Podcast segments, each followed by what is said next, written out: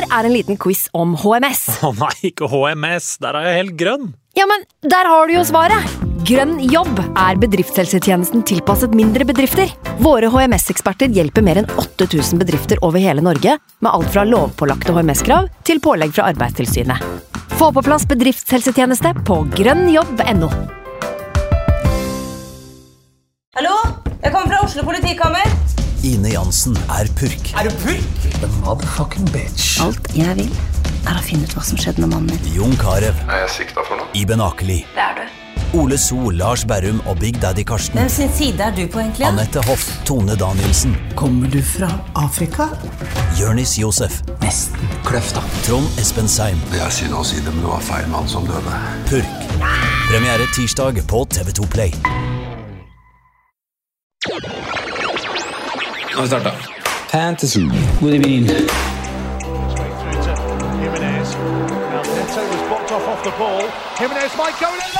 God evening.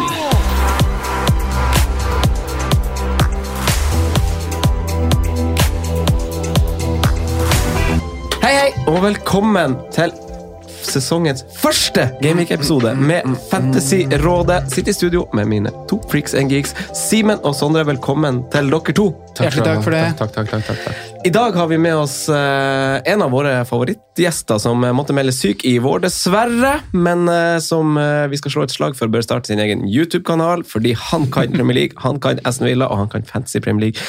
Marius Husebø Evensen, velkommen til deg. Oh, takk, takk, takk. takk. Åh, YouTube-kanal, ja. ja det er, jeg får sånn en linje en gang her og der. Eh, litt sånn skal du, skal du starte noe eget? Ja, vi får se. Villa i Champions League. Da starter jeg noe eget. Det kan jeg si. Det tok jeg her og nå. Eh, Men eh, ja, nei takk. Jeg gleder meg, jeg gleder meg veldig til sesongen. Og eh, ja, det er jo så mye å, å dykke ned i her at det er bare å, bare å sette i gang nesten. Jeg gleder meg. Men det er jo perfekt, de nyhetene vi har fått etter vi sendte deg melding og spurte om du kunne være gjest. Så bare med, så smeller Danny Ings, og så Jack Reelish Ja, Ja, ikke nevn det navnet der. Nei, ja, vi er der, ja. Det var jo litt venta, da. Men liksom, det har skjedd mye i Villa i sommer. Da. Og, så sånn sett perfekt timing. Mm. Eh, vi kan jo melke, spørre deg først, siden du er på besøk, eh, Marius, før vi tar runden eh, rundt bordet. Eh, forrige sesong, hvordan gikk, det, hvordan gikk det med deg? Og er, du, er du klar for en ny sesong? Har du lagt, eh, lagt det bak deg? Ja, jeg har lagt det bak meg. Jeg tror jeg går litt sånn samme runde som de fleste. Mm. Kjenner at når det er ferdig, så legger jeg det bort. Nå, nå, eh, nå holder det. Eh, Mm. og så får jeg eh, ta en runde i sommer på hvor hardt jeg skal satse neste, neste sesong. Mm. Og så går jo tida, og så blir du litt mer og mer ivrig etter hvert. Og nå er jeg jo i Nå gleder jeg meg skikkelig. Nå er jeg, jeg må liksom legge det fra meg før jeg legger meg for å liksom klarne Mm. hodet. Eh, Det ble rundt 20 000, jeg husker ikke eksakt plassering. Nei, 20 000, 22 000 eller noe sånt. Um, og eh, det er jeg så passe fornøyd med. Jeg tror så mange som bruker mye tid, har jo mål om å nå topp 10 000. Så det har blitt noen topp 50 000 på rad de siste fire-fem åra. Også et par innafor um, 10 000. Men um, greit fornøyd. Mm. Men er det ikke blitt litt sånn at, eh, at eh, altså, sånn, topp 50 000 er det nye topp 10 000? Litt sånn som at uh, 30 er det nye 20, på en måte? Ja, kvaliteten øker jo. Ja. Det er det ene. Det ene er at det øker i antallet personer. Mm, ja, ja, så du får jo flere som er gode. Um, og kvaliteten øker. Det er flere som blir kjent med statistikker, det finnes flere gode Mm. verktøy enn det var tidligere. Så helt klart, eh, 50 000 er kanskje det nye 10 000, Mm. men siden du kom inn på med at målet skulle være topp 10 000, syns jeg det er verre å legge det bort og Mm. Si at nå skal det være ok med 50 000. Mm. Så jeg har fortsatt eh, det samme målet, altså, men jeg sier meg mer fornøyd med å få en, en lavere plassering enn kanskje fem år siden. da. Og så har vi jo hatt inn litt variabler de siste to sesongene òg, med pandemi og, og flytting av kamper og litt, eh, litt sånne ting da, som har, har spilt inn. Altså Det er jo en fordel for de som Eller det er jo en liten fordel for de som planlegger mye, at det skjer sånne uforutsette ting som man har gjort. da. Så variansen er kanskje litt høyere enn hva den ville vært. Sondre, det her er vår femte sesong eh, som podkast. Men, eh, men ja, Ja, det blir jo det. Eh, men eh, Håkon Hagan, venn av podkasten, han stiller spørsmål om hvordan vi Vi starter sesongen veldig sånn overordna. Pengebalanse, formasjon. Hva, hva, hva er målet ditt, og hvordan skal du angripe sesongen?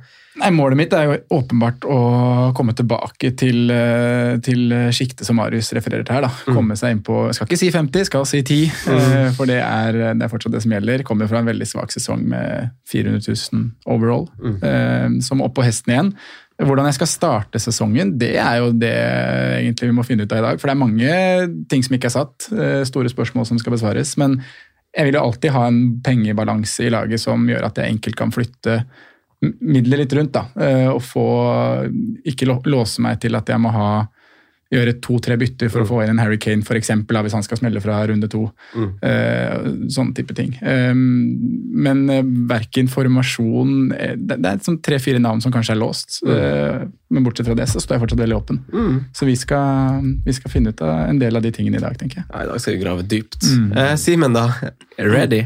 Ja, eh, jeg håper å starte sesongen veldig offensivt. Jeg har lyst til det å være litt mer Det prata vi litt om i sommer og litt i, på slutten av sesongen i fjor også. Være litt mer frampå, litt mer aggressiv uh, i form av bytter og litt, litt kjappere, da. Så får man heller ta den ene skaden hvis den skulle komme en eller annen gang, men liksom være litt mer på, på framfot. Så eneste faren er at det blir sånn, litt sånn halvhøyt. At man, uh, man ja, bommer litt, da. Eh, redda meg egentlig greit inn, syns jeg, i fjor, selv om jeg hadde god posisjon lenge, og så falt litt nedover også. 85 000 er, det er greit, det, på en, det som føltes som en dårlig sesong. Eh, litt informasjon Sandre, før du skal få dra oss igjennom eh, hva vi skal igjennom i dag. Jeg har bare kopiert inn ligakoden her for at folk kan få, få bli med i ligaen vår, og den er 58KQCM. Eh, gang så, til. 58KQCM.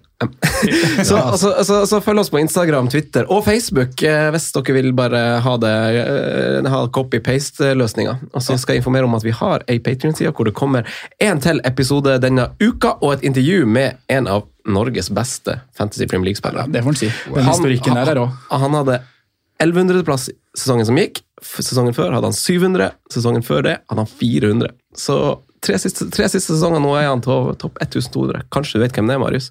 Jeg skal ikke, jeg skal ikke avsløre det. Nei, nei. Nei. Um, og så har vi jo allerede en del episoder som ligger ute. En del preseason-materiale og en FPL ABC for noobs og sånn. Men Sondre, i dag så er det jo Gameweek-episode, så det er noe helt annet. Hva skal vi snakke om? Er ny sesong, Simen. Mm. Nye muligheter, Marius. Eh, maratonet starter, Franco. Du er glad i langløp for tida, så du er Mm. beredt. Eh, ved hvert hjørne så ligger nye retninger på lur, eh, og vi skal i dag prøve å finne ut hvilke hjørner vi har lyst til å runde først. Eh, vi skal dekke lagene med fint program fra starten. Derfor er det veldig fint at vi har deg her, Marius. Aston Villa, det er mange spørsmål og også et meget grønt program som venter, så vi skal dykke litt i, i de lagene der. Eh, Liverpool-lagene, det har skjedd litt skader, eh, ting som eh, gjør at retningen kanskje forandrer seg litt inn i seriestart. Vi skal snakke litt om det. Eh, I tillegg blir det, det blir en klassisk sånn Game Week 1-episode. Vi skal dra gjennom ledd for ledd, ta litt toppvalg, 1, 2, 3 på, på alle posisjoner. Vi skal eh, tradisjon tro velge sesongspillere for hele sesongen. Eh, på perrongen er byttet ut med en dilemmaspalte avslutningsvis. Så, så det er dagens agenda. Veldig bra. Veldig bra.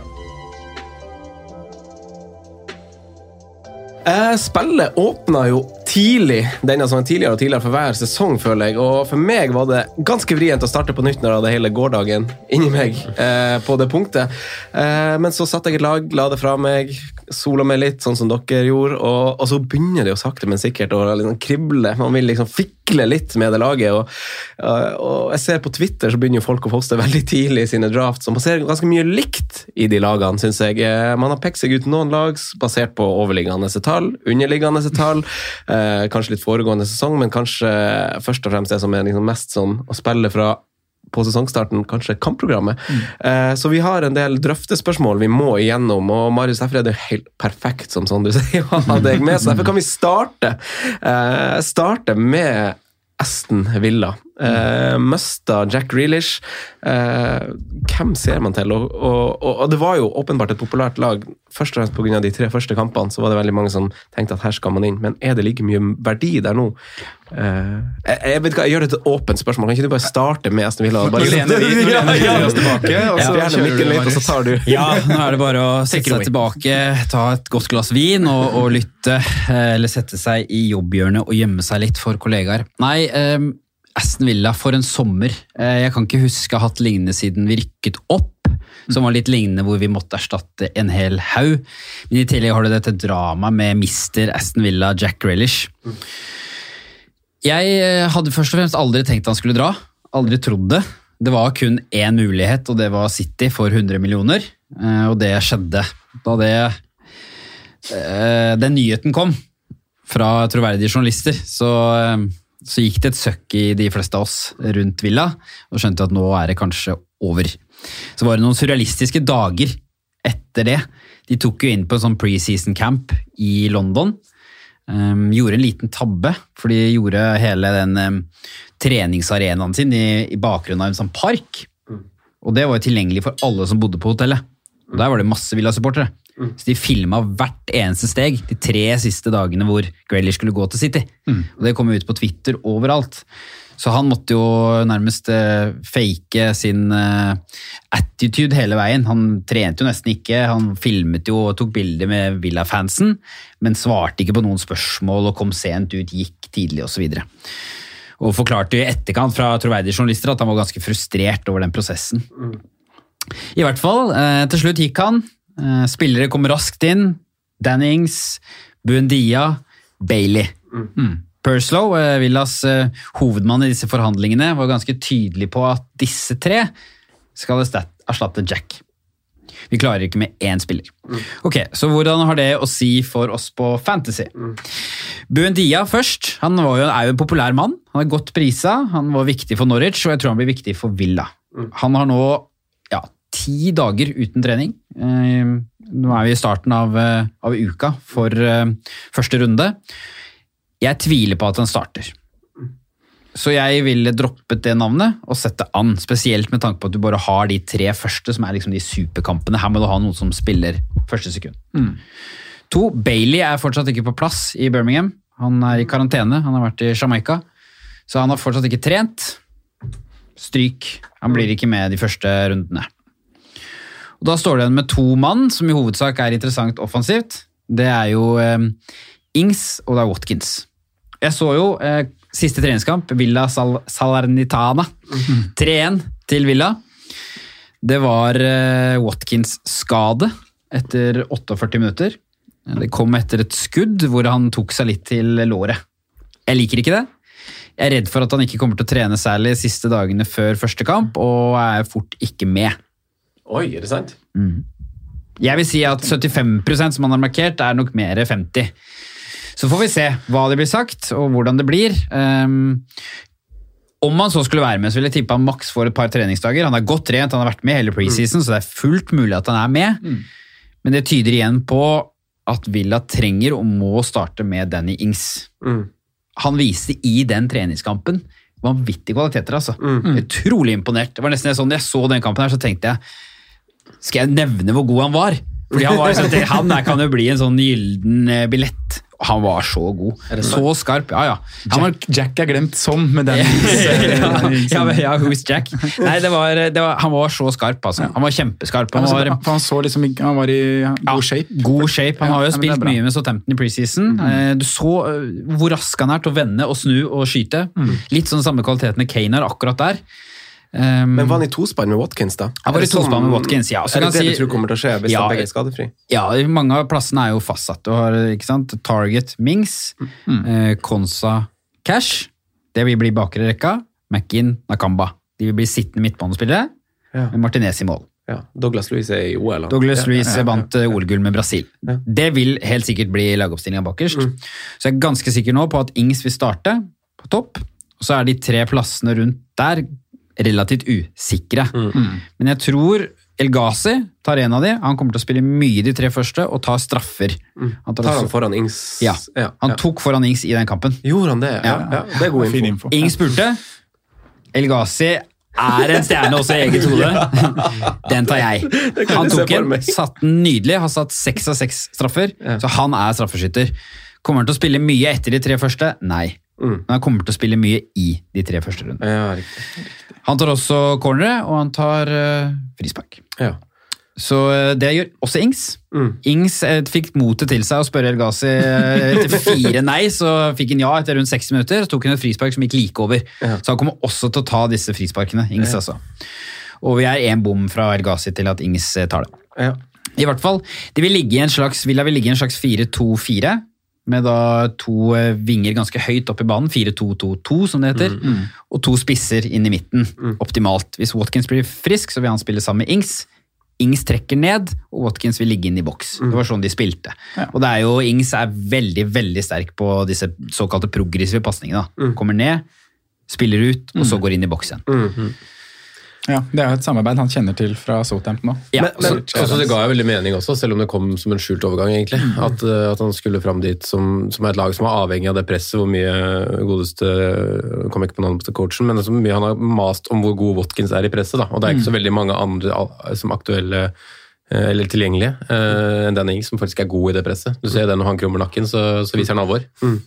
Men hvor, eh, spør, spørsmålet mitt er, når man ser kampene og vil ha Villa, hvor, hvor masse skade gjør det for valget av Ings eller El Ghazi det at, eh, at hvis Watkins er ute i tillegg, og så har du de to, eh, altså Buendia og Bailey, som angivelig ikke er klar, da. Altså, hva gjør det med totalpakken Aston Villa? Er det like attraktivt? Ja, for de tre første kampene. Jack Reelers rolle trenger jeg vel nesten ikke å si. Den er kjempestor. Han har, uh, skaper omtrent tre ganger så mye som nestemann på lista. Han kommer til å bli savna over den sesongen her, som gjør at vi må justere målet til slutt. Buendia skal ta over den skaperrollen. Han er jo borte, som du sier. Men vi har en ganske offensiv 4-2-4-satsing, som jeg tror kommer til å gi gevinst i de tre første kampene uansett, pga. av den motstanderen og fordi vi ønsker å være offensive. Det er sånn tydelig i preseason. Vi skal ut og angripe. Ja. Og når du da har en Danny Ings som virker sharp, i front av relativt gode fotballspillere, som El Ghazi, Traoré, kanskje Watkins, rundt Ings, så har jeg tro at han er god verdi. Men der stopper det også. Ja, skjønner. skjønner. El Ghazi, er det, er det et valg å velge, da? Altså, det, det er, sånn, er det et bra valg hvis du er forberedt på at han må bytte ut uansett? Altså, sånn, tror Ja. du han kan få god gevinst? i Ja, for Hvis du skal gå på sånne jokere og de ville, så er det, er det et kjempemulig alternativ. Ja, han kommer til å spille kjempemasse i de tre første og ta mye dødballer. Så det er, vil jeg si, et godt alternativ bak Ings. Eh, ellers er det ingen jeg ville valgt i, i det laget. Nei, Men med en sånn type som El Gaza, så ville jeg kanskje tenkt på hvem jeg hadde plukka som tolvte mann da, eh, i laget. Eh, at man kanskje bruker en halv mil eller et eller annet sånt der, da. For det er jo som han sier, altså, jeg tror han kan bli god verdi så lenge han, så lenge han starter. Men så er det den ene kampen hvor han plutselig er på benk, så er det greit å ha, være klar for det, da. Han, kost, han koster jo seks blank, men det er selvfølgelig at Aston Villa, hvis jeg glir det litt over i et annet lag eh, som, som har kanskje blitt mer populært, spesielt i lys av skadene som har kommet, og noen har vel holdt Antonio i Westham høyt hele veien pga. underliggende tall og kampprogram, også for, for dem sin del, men der har man jo også noen jokere, både kanskje i bakre ledd, men også på midten i, i Ben Rama osv. Men de er vel i sånn samme prisklasse, sånn det gjør det at du endrer litt tilnærming eh, og kikker litt mer mot altså Hvis man sier at man kikker litt mer mot Esten Villa før man får vite de nyhetene som Marius presenterer her, men Westham, da? Opp mot, eksempel, eller generelt? Ja, nei, jeg har uh, egentlig fått litt øynene litt opp for Westham de siste dagene. eh, og nå etter en sterk generalprøve mot uh, Atalanta, hvor de vant 2-0. Eh, jeg så sånn utvida høydepunkt fra den kampen, hvor nevnte Benrama så veldig frisk ut, da, sammen med Fornals. De to spiller Benrama tier, Fornals litt ut til venstre, og så bytter de mye posisjon. Eh, veldig mye bra kombinasjonsspill de to imellom, og så har de jo Antonio på topp som, som seiler opp som det helt klart beste valget i Westham offensivt. Eh, så jeg har jo jeg er jo der at jeg vil ikke røre egentlig noen av de midtbanespillerne her. Eh, og så er jeg veldig gira på både Danny Ings og Antonio. Hvis jeg skal svare kort og Mm, være ja, ja, litt sånn bastant på det. Fordi eh, ja, det er en oppside med El Ghazi. Jeg tror også det kommer til å være en oppside med Ben Rama. men- Dawson, da? Craig Dawson er fin.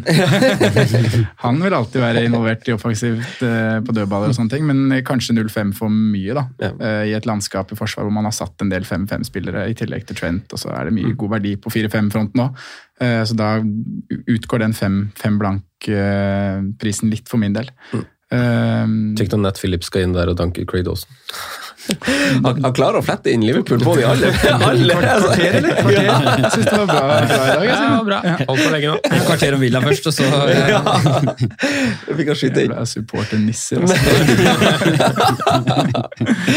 Eh, Men Sondre, var du eh, det- eh, Nå avbrøt han deg med en, med en Liverpool-referanse fra, fra, fra, fra Vi kan lage et sånt botsystem som, som går til en felleskasse her i Fancyråd. Hver gang du avbryter med en Liverpool-referanse, Må Simen, ha, du må ha botsystemet. Ja, hver gang han avbryter med en Liverpool-referanse, Så er det det, er- det er jo så er det penger i kassa. Rett til julebordet. Men uh, Marius, da, er du, er du fysen på noe, på noe, på noe Westham? De har jo et, et greit åpningsprogram, men har man like masse trua i år eh, som man Altså, du- etter prestasjonssesongen som var, da.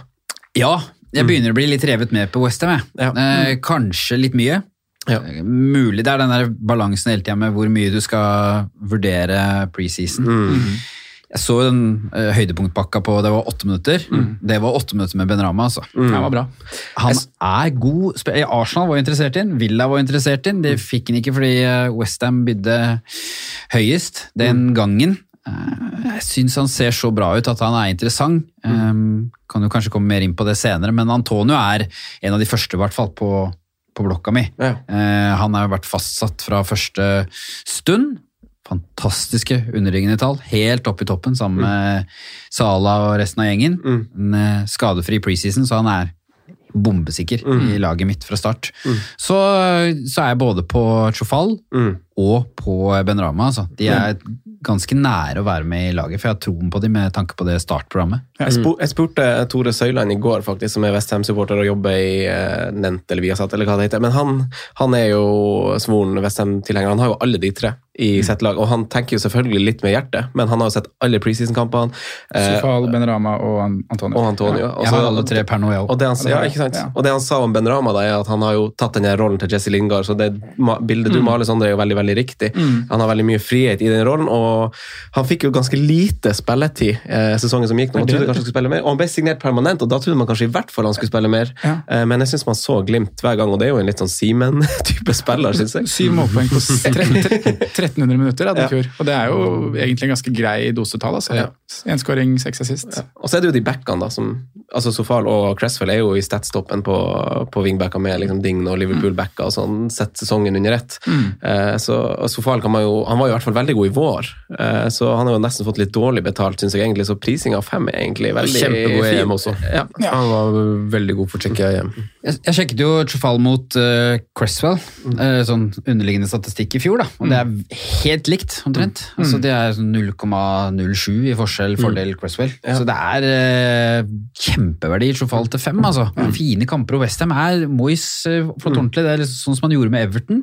Det er vanskelig å møte Rice og Sjosek på midten der, osv. Ja, ja. Altså. Ja, det er et vanskelig lag å møte, rett og Ja, slett. Ja, ja, det er tungt. Så jeg, jeg får litt den, den følelsen jeg hadde med Villa tidligere i preseason, Nå har liksom flyttet seg litt over til Westham. Der er det mye god verdi. Også relativt satt og rutinert eh, firer. Altså liksom sånn trygt og godt. Det er, ikke noe, altså det er jo ikke opp på nivå med lagene som var havna over tabellen i fjor, men det er liksom det er trygt og godt og liksom lite tabber og, sånne ting. Da.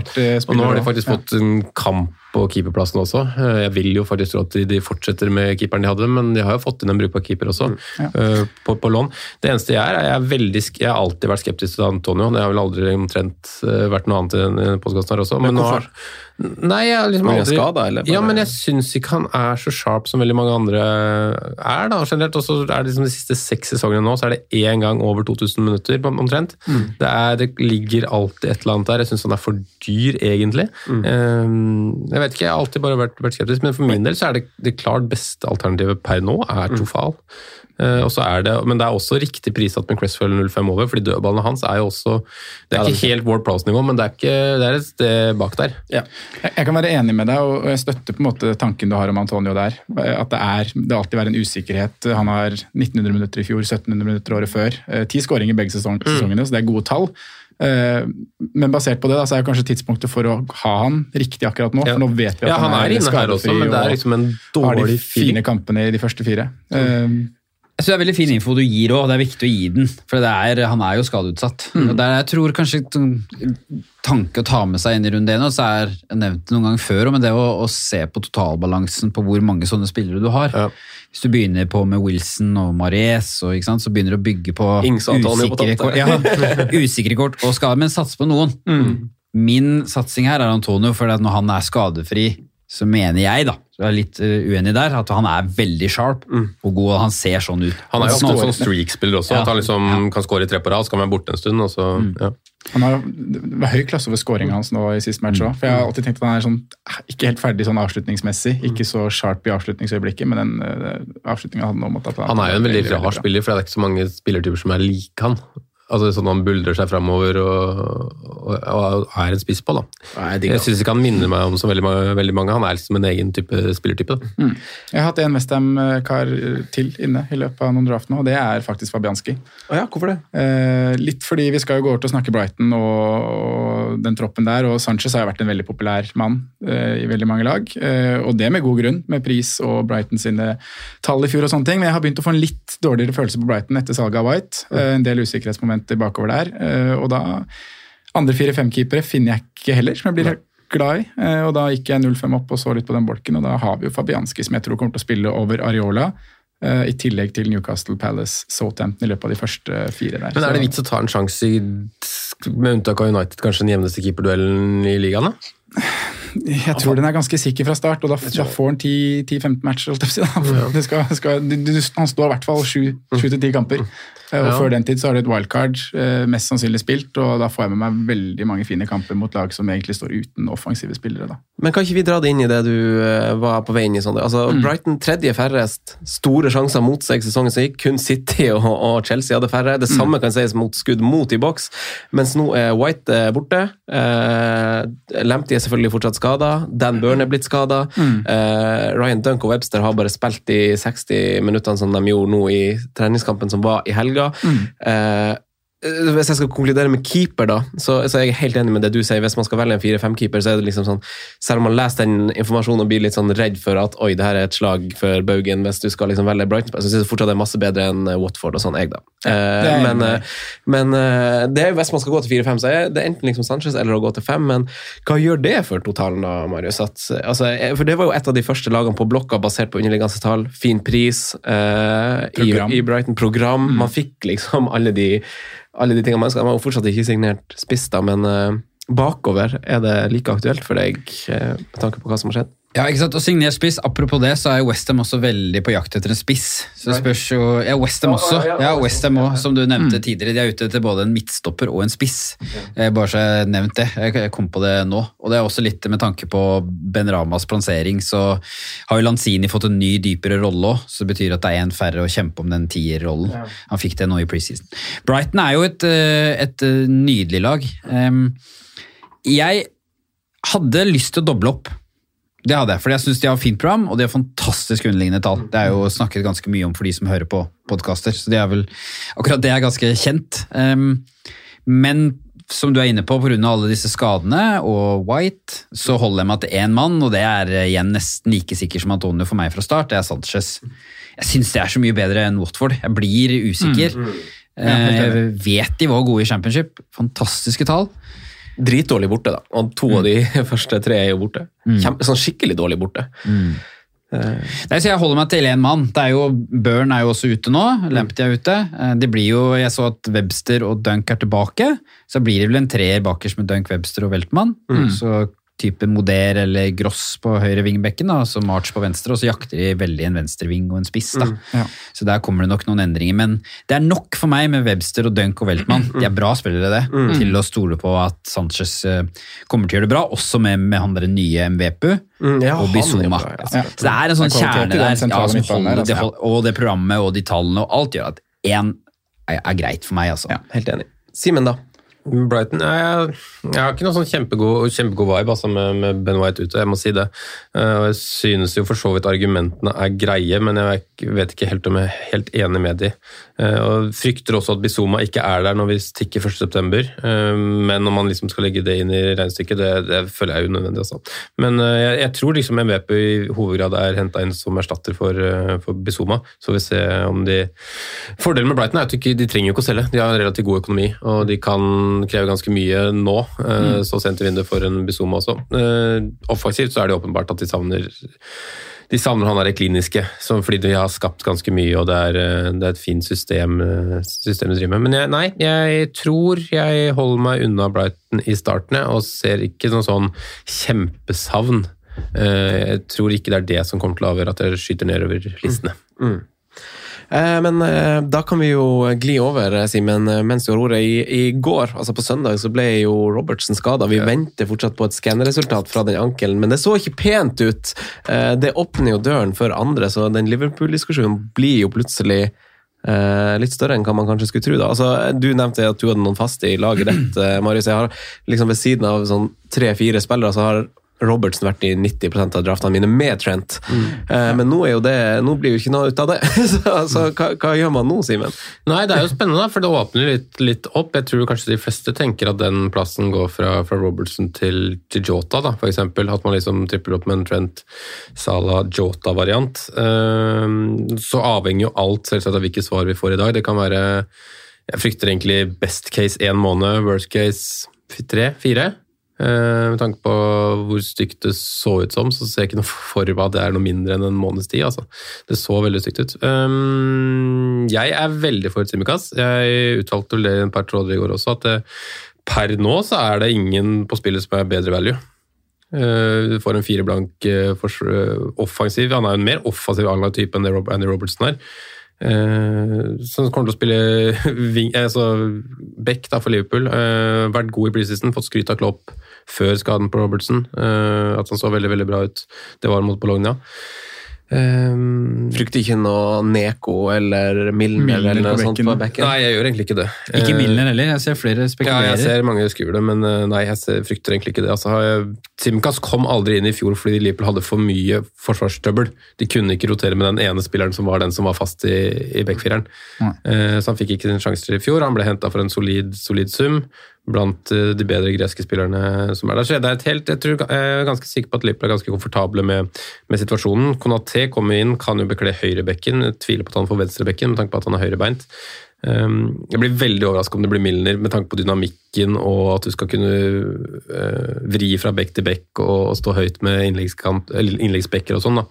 Kanskje i hvert Så- fall hvis det ses litt over tid. da. Hvis det liksom bare hadde vært to kamper ute, så hadde det kanskje vært mer naturlig å kjøre. Ja, Men hvis altså, man, man ser for seg å bruke en back eh, over en lengre periode Mm. eh, istedenfor Robertsen. Så, så jeg er ikke noe nervøs for det. Så alt avhenger egentlig av, av skannen. Men eh, jeg går Simikaz lett med, hvis det er en måned pluss. Eh, det, er ikke, det er ikke tvil.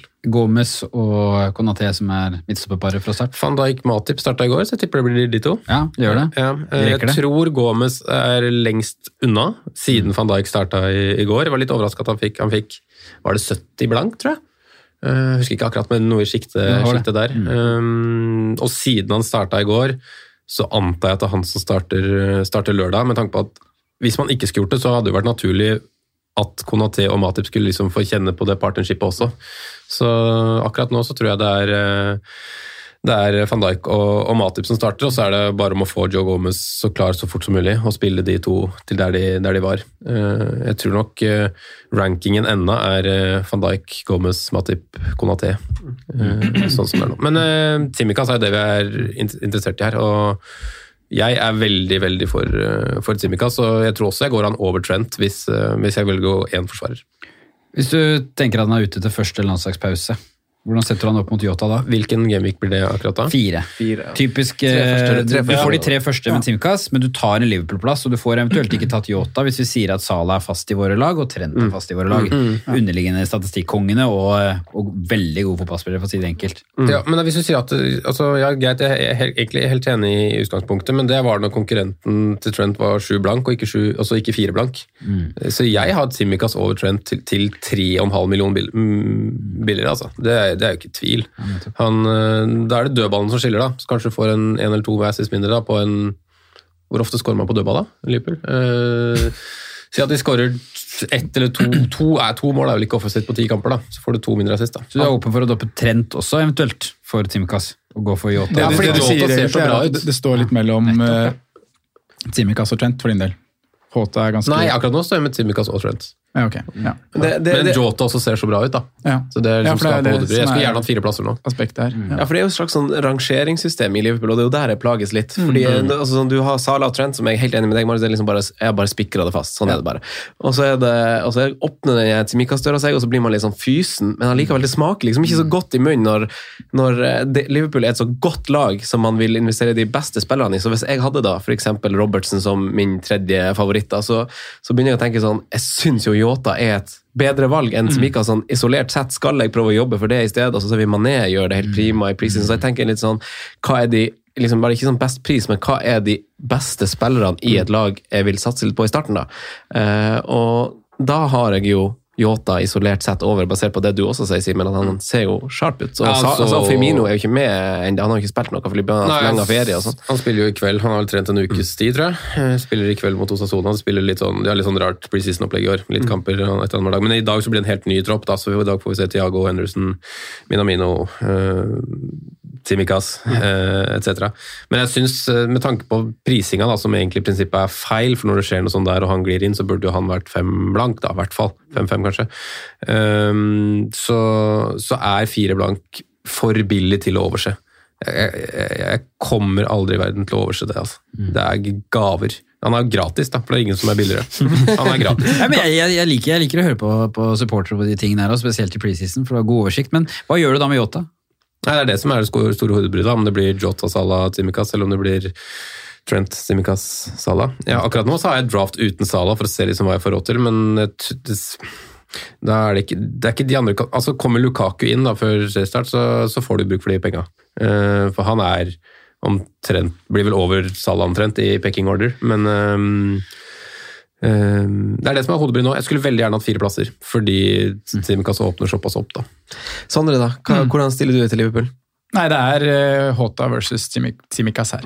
Ja. Trent står, Salah står. Mm. må gjøre en vurdering der. og jeg, Det er som du sier, da, du, du får den muligheten, og du ser sånn sinnssyk oppside her med en 4-0-spiller i et så godt lag som skal ja, Nå får vi se på rapportene, da, men i hvert fall en måneds tid. da. Så, så blir man veldig gira. Men igjen så Jeg eh, har vanskelig for å se bort ifra det Hota har levert nå i preseason. Mm. Eh, alle rapporter- Ja, Firmina er også ute, og han kommer til å det spiller mer enn hva han kanskje gjør til vanlig. da. Eh, Han er jo en rotasjonsutta spiller sånn i utgangspunktet. Eh, og så har man jo det aspektet med at Liverpool Det er jo en del usikkerhetsmomenter i det defensive, sånn egentlig. Eh, jeg velger jo Trent fordi jeg vet at han har et uh, veldig stort offensivt potensial. Det har ikke jeg sett med Simikaz helt enda. Eh, og det er spørsmålstegn på, nei, og det er spørsmålstegn på stopperplass her. da Man har en van Dijk som jo nettopp er tilbake fra skade. Samme gjelder Gomez. Uh, Konaté er en nysignering. og Matip også skade. Ja. Naldum ute. så det er en del sånn defensive spørsmålstegn, og de har vel ikke sett sånn all verdens stabil ut bakover i preseason, selv om man ikke skal legge all verdens i det. da. Men uh, basert på det så er jeg håta over Tsimikas per nå. Så Mané, da? fristelsen kommer sikkert til å bli stor inn mot fredag. Det gjør. Mané, da? Han har jo i hvert fall sett sharp ut i preseason. Ja. Og i vår, for så vidt. Sett sharper ut enn motsatt kant i Salah, for så vidt, men så er det jo alltid more sneak-ferdighetene til Mohammed Salah som på en måte avgjør det over en sesong. Da. Jeg, når de er prissatt eh, så likt som de er, så er det så enkelt som du får det til. Altså. Så det er Sala 100 av 100 ganger omtrent over Mané, i hvert fall over tid. Ja, helt enig. Han havner da mellom to stoler. Blir for dyrt. Ja, rett og slett. Så det er litt kjedelig prising sånn sett. Hadde du gjort det til Det er dårlig prising. Ja, jeg syns det, fordi at valget blir så åpenbart, så syns jeg det er dårlig prising. Eh, Så jeg hadde gjort Mané til Si at det hadde vært 11 blank da versus 12,5, så tror jeg det, den du- prosentandelen hadde vært mye jevnere enn det som er nå, da, på 50% versus 4 mm. For dere som tenker litt også med, en- med en sharp Firmino tilbake typ mot Chelsea runde tre. Ja. Er, er Yota da omtrent sikkert ute, eller kan det være plass til alle fire?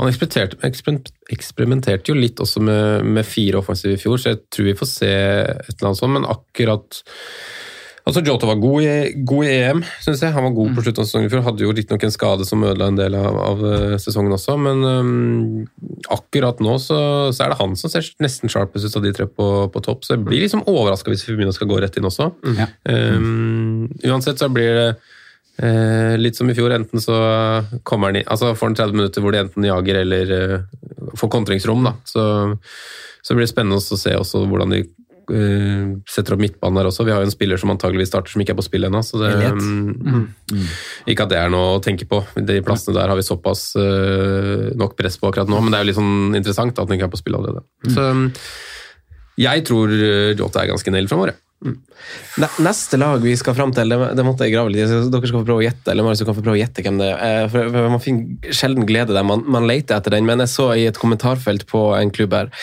I refuse to dedicate my life supporting these losers. Destroyed our season. Announce relegation. hvordan, hvordan klubb tror du skal til? Og det vil kanskje overraske deg litt. Oi, oi, oi. Ja, overraskende klubb i tillegg. Ja, kanskje med så harde ord så er det kanskje litt overraskende. Ja, det, det er vanskelig å si. Everton, Ja, riktig! Ja, ja, riktig. Eh, En veldig, en veldig Jeg hørte Benitez prata i går etter, etter eh, United-tapet. Um, Han uh, syns det var en unormal preseason. De har ikke hatt kontinuitet, kontinuitet i spillergruppa i det hele tatt. Folk har vært med i Copa America, folk har vært med i EM, folk har vært med i OL.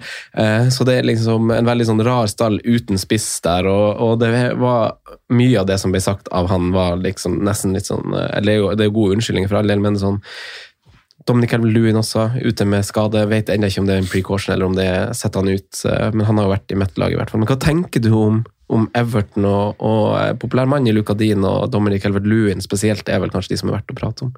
Ja, jeg er blitt veldig skeptisk. Veldig skeptisk. En, eh, en unormal og merkelig preseason eh, for Everton, Um, som jeg kunne se litt til sides for, med tanke på at de har Dign og Dominic Calvert-Lewin.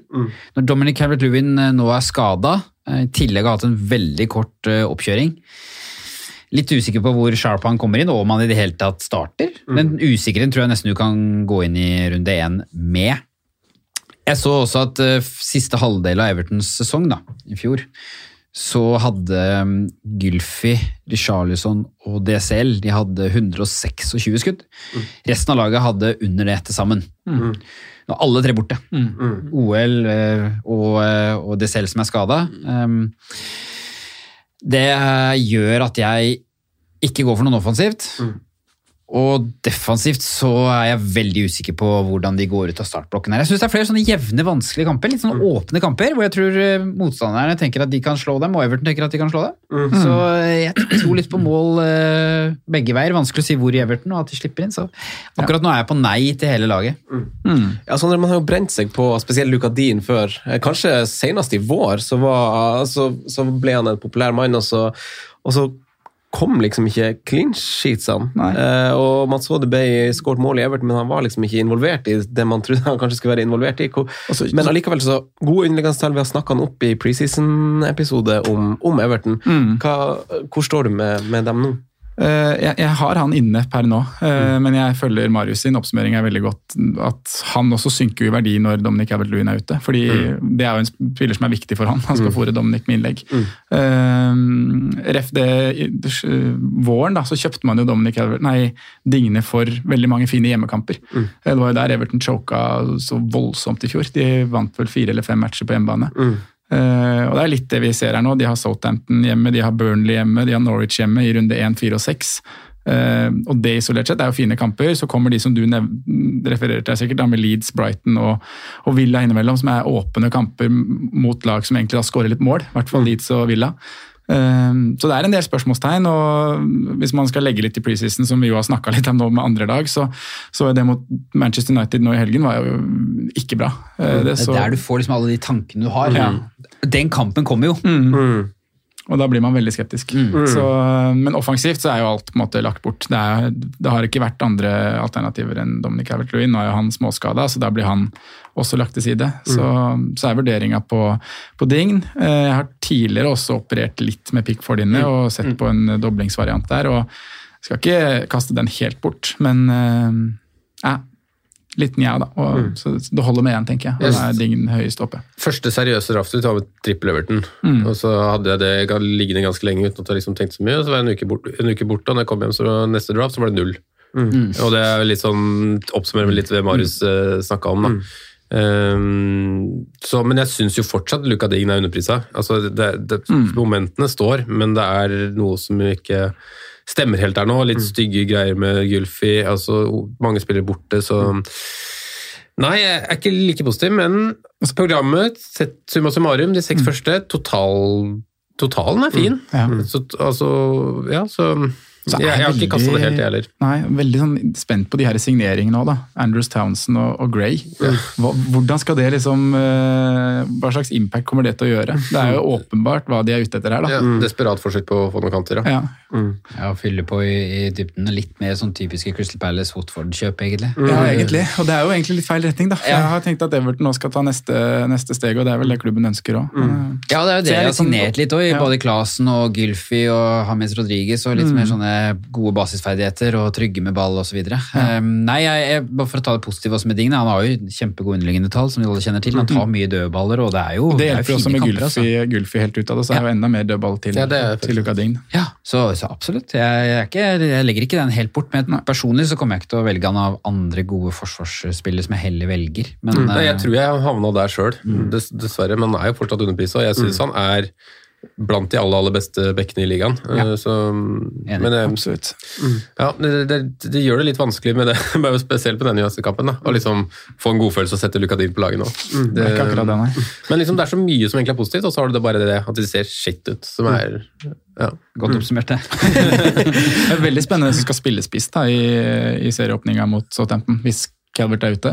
Ja, Moise Ken er vel ikke på spillet ennå? Nei, men han er jo i klubben, og du nevnte vel at han hadde en scoring forrige treningskamp? Ja, scoring forrige treningskamp øh, før United. Eh, Litt sånn usikker på om han blir eller ikke, og hvordan humøret hans egentlig er. Eh, Så det, det er ikke noe å satse på der, altså. Hvis ikke så kjører de type sånn populært kalles falsk nier, da. For En av disse midtbanespillerne, så Men kan det bli Richarlison helt uten treninga? Bare kaste den rett inn i match og satse på at han er Stakkar! Ja, det, det- håper jeg virkelig ikke. ja, jeg kan, altså, Hvis de ikke har alternativ, så ser jeg for meg at det kan være en løsning. Ja, Jeg håper vi virkelig han får seg ferie, stakkars. Han er en av de som nå hadde spilt både EM og så OL-finale, skulle rett til Supercup, så jeg, til uka. Og så skulle han få seg ferie. Det, han, det ikke var EM, det var kamp nummer 74 for sesongen.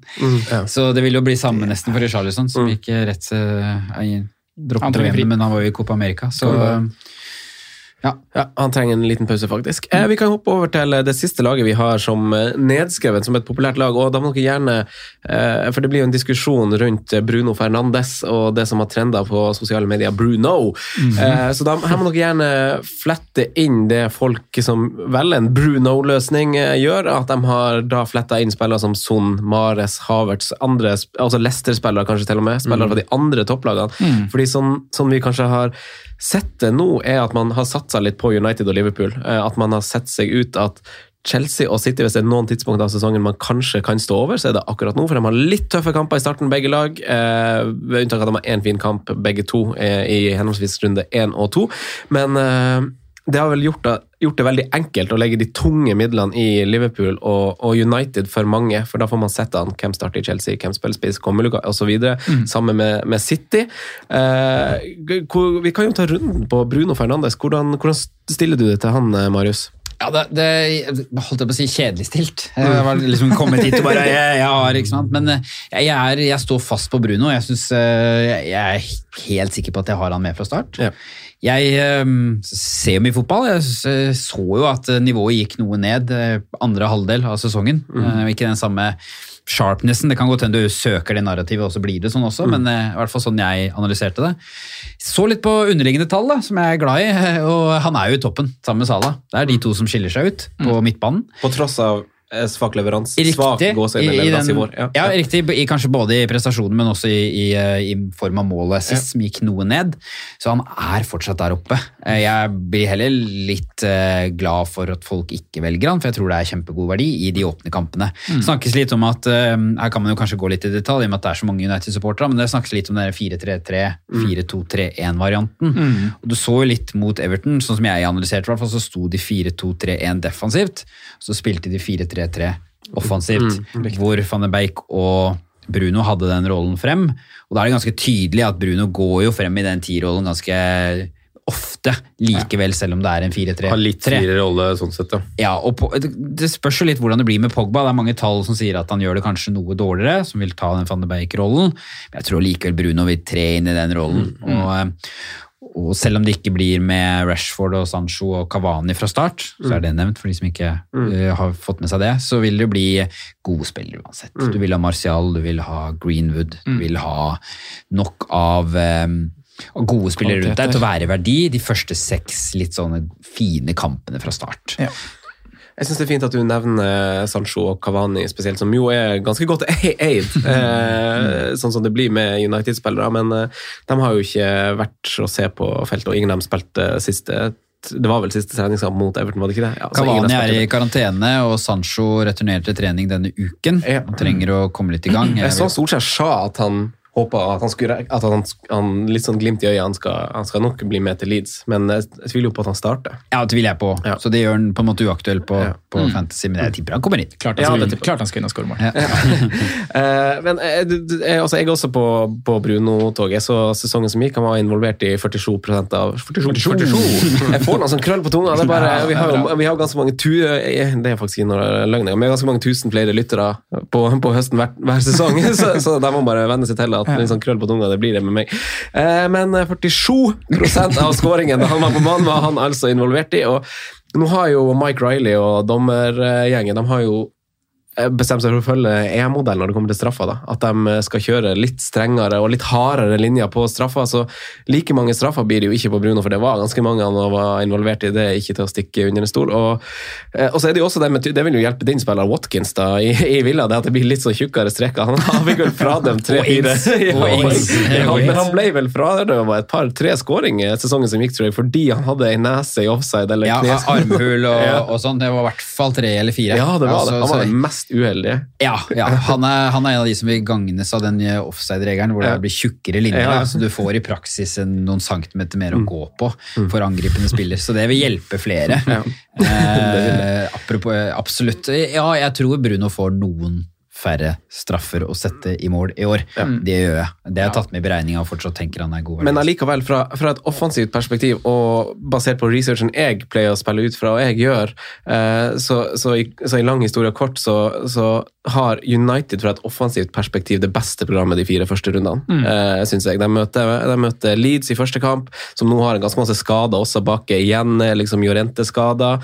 Eh, de plages der, og Southampton, som jo Jeg vet ikke hva man skal si om Southampton, man aner ikke. Wolverhampton, ny trener, det har sett egentlig ganske dårlig ut bakover. Og Newcastle, som har veldig, veldig svake tall fra sesongen som gikk eh, defensivt. Så, så offensivt så blir det, det er no-brainer å kjøre United. Spørsmålet mitt er om jeg skal ha to, egentlig. Eh, heller enn eh, bare Bruno. Og Bruno han har egentlig vært i alle drafts. Det er ikke Eller han har ikke vært i alle drafts. Jeg har prøvd meg uten å se hva jeg får til, men jeg blir liksom ikke Happy? Nei, jeg, altså, sånn, jeg føler jeg klarer blir mer happy med Bruno. sånn er det bare. Ja. Sånn er det. Nei, all fornuft sier egentlig at Bruno skal være med, og det er der jeg står per nå. Eh, Det er en trygg måte å starte på. Vi kommer til å få leveransen. Vi refererer til gode tall. Eh, Han er en god fotballspiller, eh, det er ikke noe å legge skjul på. Men så har man hatt liksom Det er noe av meg som har gjort at jeg også har prøvd meg å lage draft uten, da. Og da ser man jo da ser man jo hva man kan få til, eh, selv om man kanskje ikke blir helt 100% fornøyd med det heller. Eh, Det er en del fine navn, i 8-9-sjiktet som jeg er interessert i. Men ingen av de er på en måte en spiller jeg ønsker å gå for i de tre-fire første rundene. Ti, kanskje? Over ett. Men vi har, jeg vil ha Havertz i runde én, eh, men så vil jeg ha Mares i runde to, og så vil jeg ha Son i runde tre. Da får du liksom rekka med Palace, Norwich, Watford. Eh, Men du kan ikke drive og planlegge de byttene der. Ja, men Det beskriver jo følelsen jeg tror de mange sitter med, og jeg også. Ah, er- ja, Han er bra, han er bra, han er bra, men ikke Ikke hele veien, og da blir Bruno liksom det tryggeste å gå. Eh, Et annet aspekt som jeg også tenker litt på, er at man investerer 12 millioner i en spiller som ikke kommer til å være kaptein, da, hvis man skal dra inn den, eh, den greia der. Fordi Sala er for meg ganske klar kaptein i ja, Nå husker jeg ikke akkurat hvor mange runder det er snakk om, jeg, men uh, det er en lang rekke der hvor han kommer til å kapteines. Det er Chelsea i runde tre som er litt uggen, men bortsett fra det så er det Norwich, Burnley, Leeds, Palace, Brentford. ikke sant? Så det, det blir Sala kaptein. Uh, Jeg syns man kan kapteine Brun runde fire. Ja, samme. ja, kan godt hende. Ehm, men i hvert fall alle de tre første er ganske klink sånn sett, og så blir det jo fort. Da har man enten spart opp ytter og wildcard og kunne liksom gjort en forandring på det da. Eh, men det koker egentlig ned til det her at alternativene Jeg finner heller ikke alternativet jeg er fornøyd med, eh, og da blir Bruno en veldig sånn sikker og god løsning å ha med fra start. Og så er det eierandelen, da. Du, du taper ikke så mye terreng med han. Simen, da? Nei, Jeg merker for dynamikken at jeg burde sagt Bruno, men eh, jeg er på Bru Yes, jeg òg. akkurat nå. Eh, og, litt av egentlig veldig mye av de samme argumentene. Eh, trygt og godt. Er ikke sånn helt overbevist på Greenwood, selv om jeg også vurderer en dobling, da, som Mm. antageligvis er den løsningen du har sett på, Franco. Um, også vurderer en dobling bak. Um, Sam, jeg har vurdert, vurdert begge de. Altså liksom Både Maguire og Shaw. Jeg tror eller kanskje jeg ender på to United-spillere, men jeg ser både på begge, begge løsninger. sånn sett da. Uh, Men jeg tror, sånn overall så tror jeg kommer til å eie Bruno mindre i år enn det jeg gjorde i fjor. Altså Jeg tror jeg kommer til å bytte den ut eh, antageligvis på første wildcard-ish, når vi får en Lukaku inn til 12 da. Og kommer til, kommer til å prioritere han over, for tallene hans er uvirkelige, og jeg nekter nesten å tro at han klarer å legge seg på over 30 målpoeng i år òg, altså. Mm. Det ser jeg ikke helt for meg. Um, At han havner så høyt. At han havner et sted mellom ja, si 20 og 26, da. Mm. Det tror jeg nok er sannsynlig, men jeg tror ikke han vipper 30, altså. Men da trenger vi at noen i denne episoden slår et slag for Son, Mares, Havertz eh, noen har lest, altså For Mares har jo visst veldig god form, og siden festen med Haaland så har han jo vært med på alt i, i City i sommer. Havertz vet vi kommer til å starte, altså Uavhengig av om Lukaku kommer, eller han kommer jo, men så kommer Havertz til å starte på topp i den kampen man vil ha Havertz med, som du antyder, Sondre. eh, Son, eh, tallene snakker for seg. Eh, Marius, kan ikke du bare så- Sånn ja. Ja, ballet litt. Altså, jeg er ganske sikker på at eh, når, jeg tror mange også hører her, så er Lukaku inne til 11 mil. Typ ish. 11,5-12. Det spiller ikke så stor rolle for min del akkurat nå. Vi, han, er ikke, han kommer til å bli klar, og han kommer til å koste rundt det. Så han kommer til å ta en premieplass. Hva ville dere gjort med det? Jeg ville i hvert fall ganske tydelig uansett gått for de samme og sett an Lukaku. Vanvittig bra spiller som jeg er helt sikker på kommer til å bli verdi, og som vi kommer til å vurdere. Men kampprogrammet er liksom litt sånn uggent i starten, så det er helt fint å vente. Bare sånn til alle som tenker liksom, hva gjør man med Lukaku? For han kommer til å, å være der før seriestart, det er jeg helt sikker på. Og så slå et slag. så, så er det resten av gjengen. Eh, eh, du har jo først Son, som jeg, som jeg er sikkert en av de gutta dere tenker på. Jeg liker jo, likte jo litt grann de ryktene om at Kane var borte også, selv om det høres rart ut. Fordi jeg vet at de hadde et godt samspill, så tror jeg han får en mye mer sentral rolle, naturligvis. Han blir spiss, han får ta straffene. Han får eh, fortsatt mer enn gode nok spillere rundt seg, kanskje en Ali som er i bedre form enn tidligere. Så han liker jeg godt, men jeg synes han blir litt for dyr. Maries er jeg sikker på at kommer til å starte for City de første kampene. Kjempeverdi. Der, der har, du, har du noe, altså. Der har du virkelig noen du kan gå for, om du ikke går for Bruno. Han tar jo eh, straffene, trolig. Ja. Han tar en del dødballer, og han kommer til å starte. Foden er ute i en måned. Eh, Grealish spiller på en annen side av banen. Bernardo Silva er en av de som er på vei ut. Torres skal spille Ja, spiss, kanskje? Spissene, Ja. ja, og så tror jeg ikke han er på den siden av banen. Der har, du, der har du kjempegod verdi. Fine underliggende tall. Ja, det, er, eh, det er min mann hvis jeg skulle valgt en av dem. Jeg ville sagt Havertz, hadde det ikke vært for Lukaku. Sikker på at han får med Game Week 1, som du sier, men så kommer det litt tøffe kamper, og så vil han nok få en posisjonsendring, og så får vi se hvordan det påvirker han. Så der er min, eh, min go to guy, hvis ikke jeg hadde valgt en av de andre. Støtter meg 100% på den. Ja, kjempefin. Eh, vi kan gå over til, eh, før vi kjører på med spalte, så tar vi noen litt konkrete spørsmål. og Da må dere ha i bakhodet at det her er å starte sesongen med så typ Gameweek 1 til 5, da, altså litt over første landslagspause. Men eh, dere har fått i hjemmeleksa å utarbeide deres slags liste, og det er kanskje litt vanskelig med keeper, men eh, favoritt, altså keepere, eh, og da skal vi kanskje ned på budsjettnivå, Sondre, eh, og, Ja. og droppe og da, da snakker vi kanskje fire-fem, men kanskje du kan få dra inn eh, fem hvis du har gjort det på de lista, så må du få lov til det. Ja. For 4-5 så er det jo egentlig ikke så mye å snakke om Nei, det utover det, vi gjorde i stad. Vi tok Sanchez, og han er jo i hvert fall i min bok klink nummer én, selv om jeg jo da nevnte at jeg har en litt sånn Det har vært en fra å ha en veldig god følelse når spillet ble lansert og man så prisene, så var det som wow, Sanchez, Brighton, det her blir jo knallbra. Mm. Så har det bare dabba av utover sommeren, da. Eh, Men han er fortsatt eh, nummer én der. Eh, Så bak det så synes jeg det er veldig åpent. Eh, Vi nevnte Pickford, der baserer man det jo på program. Vi har Fabianski, som jeg jo Jeg jo på en måte, jeg ser aspektet med keeperkonkurransen og Areola inn, og sånne ting, men jeg tror Fabianski kommer til å starte. og Da har du en, eh, en god keeper med fint program, hvis vi snakker de første fire rundene. da. Eh, og så ville jeg jo egentlig snakke litt Martinez, jeg, da. Ja. Eh, Vi gjorde ikke det i stand da vi var på Villa. Han er jo åpenbart mest eid, ja. Ja, Han koster jo 5-5. Mm. Så jeg, jeg tror jo han kommer til å forsvare prisen sin til 5-5. Så, øh, spørsmålet er bare om man får henta de pengene og lagt opp til at man har råd til en 5-5-keeper fra start. Eh, jeg tror dessverre ikke han kommer til å forsvare prisen. Det er det som er synd. Det er det som er synd. Jeg, jeg, de Villa-tallene følger jeg jo kontinuerlig, og de stupte jo på siste halvdel av sesongen. Spesielt uten Jack Relish, fordi laget de møter kan ta mye mer sjanser. De slipper å doble og triple. Eh, Mot Westham så tripla de på Grealish eh, og på han, så du får angripe i mye større del. Du har Villa ta mye større sjanser og kommer til å gå offensivt ut.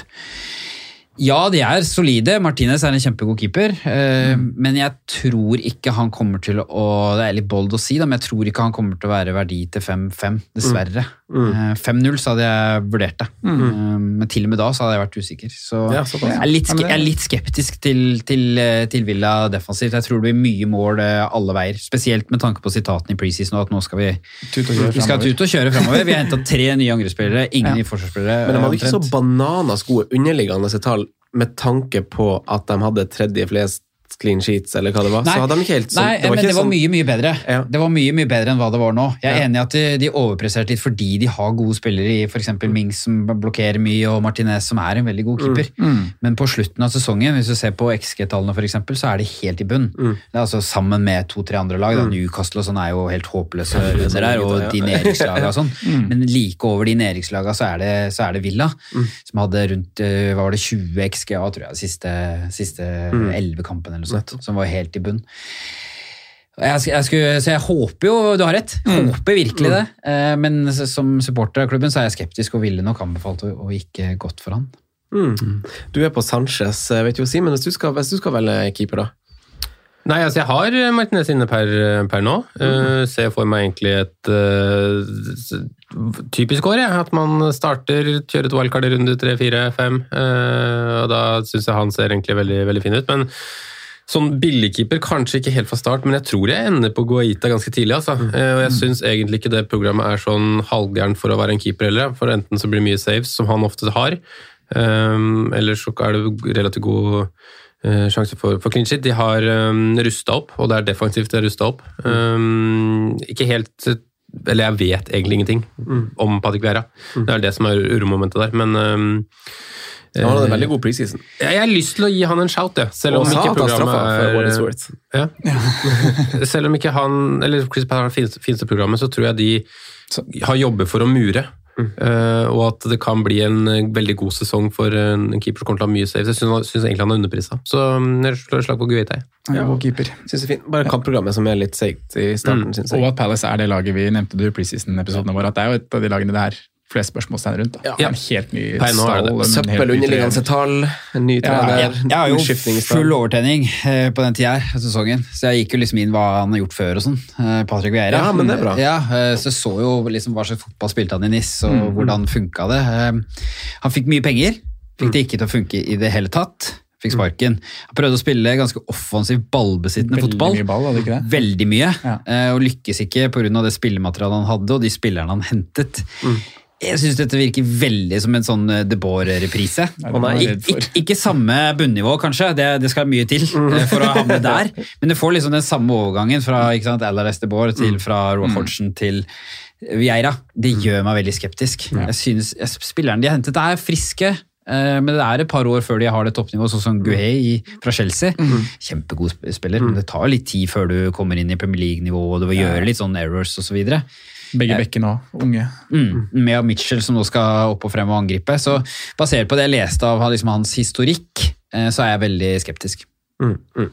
Da går vi videre til eh, favorittforsvarer. Han skal på ingen måte ha noe, noe skadefryd, men vi har jo på en måte blitt gjort noen sånne fantasy-tjenester. Eh, Det er jo kjempetrist når spillere eh, skader seg og kanskje verst liksom for faen sånn, det er kjempetrist. Og Robertsen i tillegg som gjør at sånne dilemmaer blir litt mindre. Men nå får vi kanskje en fire blank som i hvert fall starter i Leicester også, i tillegg til Liverpool. Amartey kommer til å starte i, i midtforsvaret. Høster også ros hos Rogers Rodgers etter, etter generalprøven. Eh, Williams snakker jo om utlån fra United til eh, Norwich, er vel kanskje det mest aktuelle. Det har, eh, Duffy kommer ikke til å spille tror jeg, i Brighton likevel. Jeg hadde et lite håp før, før men der var jo Veltmann inne. Jeg trodde han skulle fortsette på wingback og Duffy kanskje på, på en av de tre stopperne. Men favorittforsvarere til 4-5 eller eh, under Simen, vi kan starte hos deg, kan du ikke det? Mm, tre, eh, Topp tre-lista med Men var det for å starte med, eller vet du, var det overall?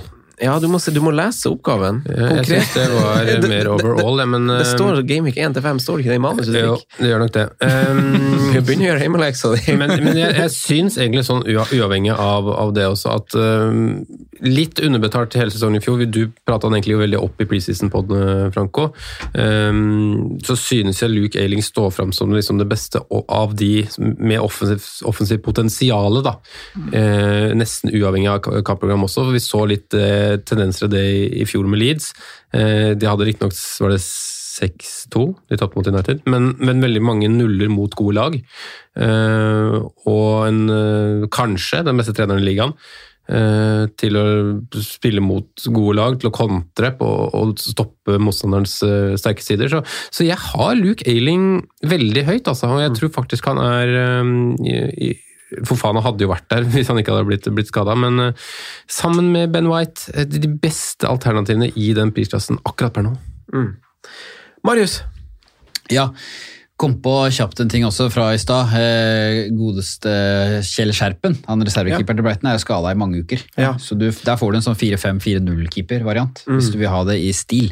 Så Ja. mange har valgt eh, fordel Bachmann-Forster, eh, Riktig. Foster, eh, som er 4-5-4-0. De to vil jo kanskje rullere. Bare kom på det i farten. Jeg har mange av de samme forsvarsspillerne du nevner der. Jeg har, liker Ailing. Jeg, jeg vet at han underpresterte opp mot liksom det han leverte i fjor, med tanke på færre målpoeng han burde hatt, kanskje. Men jeg er redd for at det litt av det samme vil skje i år igjen. Ikke at han nødvendigvis underpresterer, men at han måtte gå inn på stoppet ganske Ja, ofte.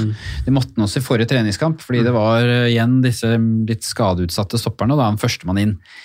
Men jeg liker han. Jeg liker uh, han, og spesielt da Ben White. Uh, og jeg har også sansen for Feltmann. Eh, Det er de tre jeg har plukket meg ut, og alle de tre jeg ser det er flere som lurer på rotasjonen, sånn, alle tre går godt sammen. Brighton kan nesten spilles i hver kamp.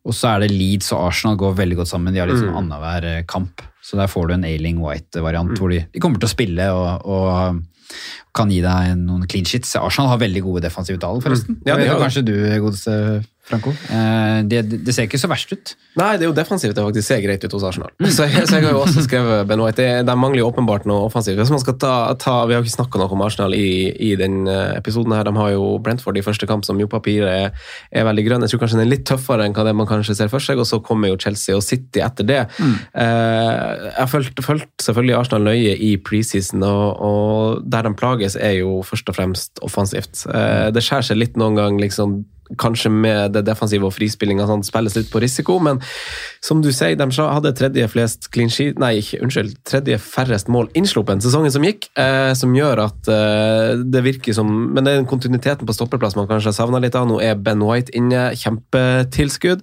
eh, men det er jo offensivt de plages da. Eh, eh, det er liksom det, de, kom, de får ikke helt til på siste tredel. Men eh, jeg har akkurat det samme som deg, eller jeg kan, skal, skal ikke lyge. Jeg har, jeg har Webster over Weltmann, men det er bare tilfeldig. Men det er han jeg har skrevet ned. Så, så, så Web, Webster, White og Ailing.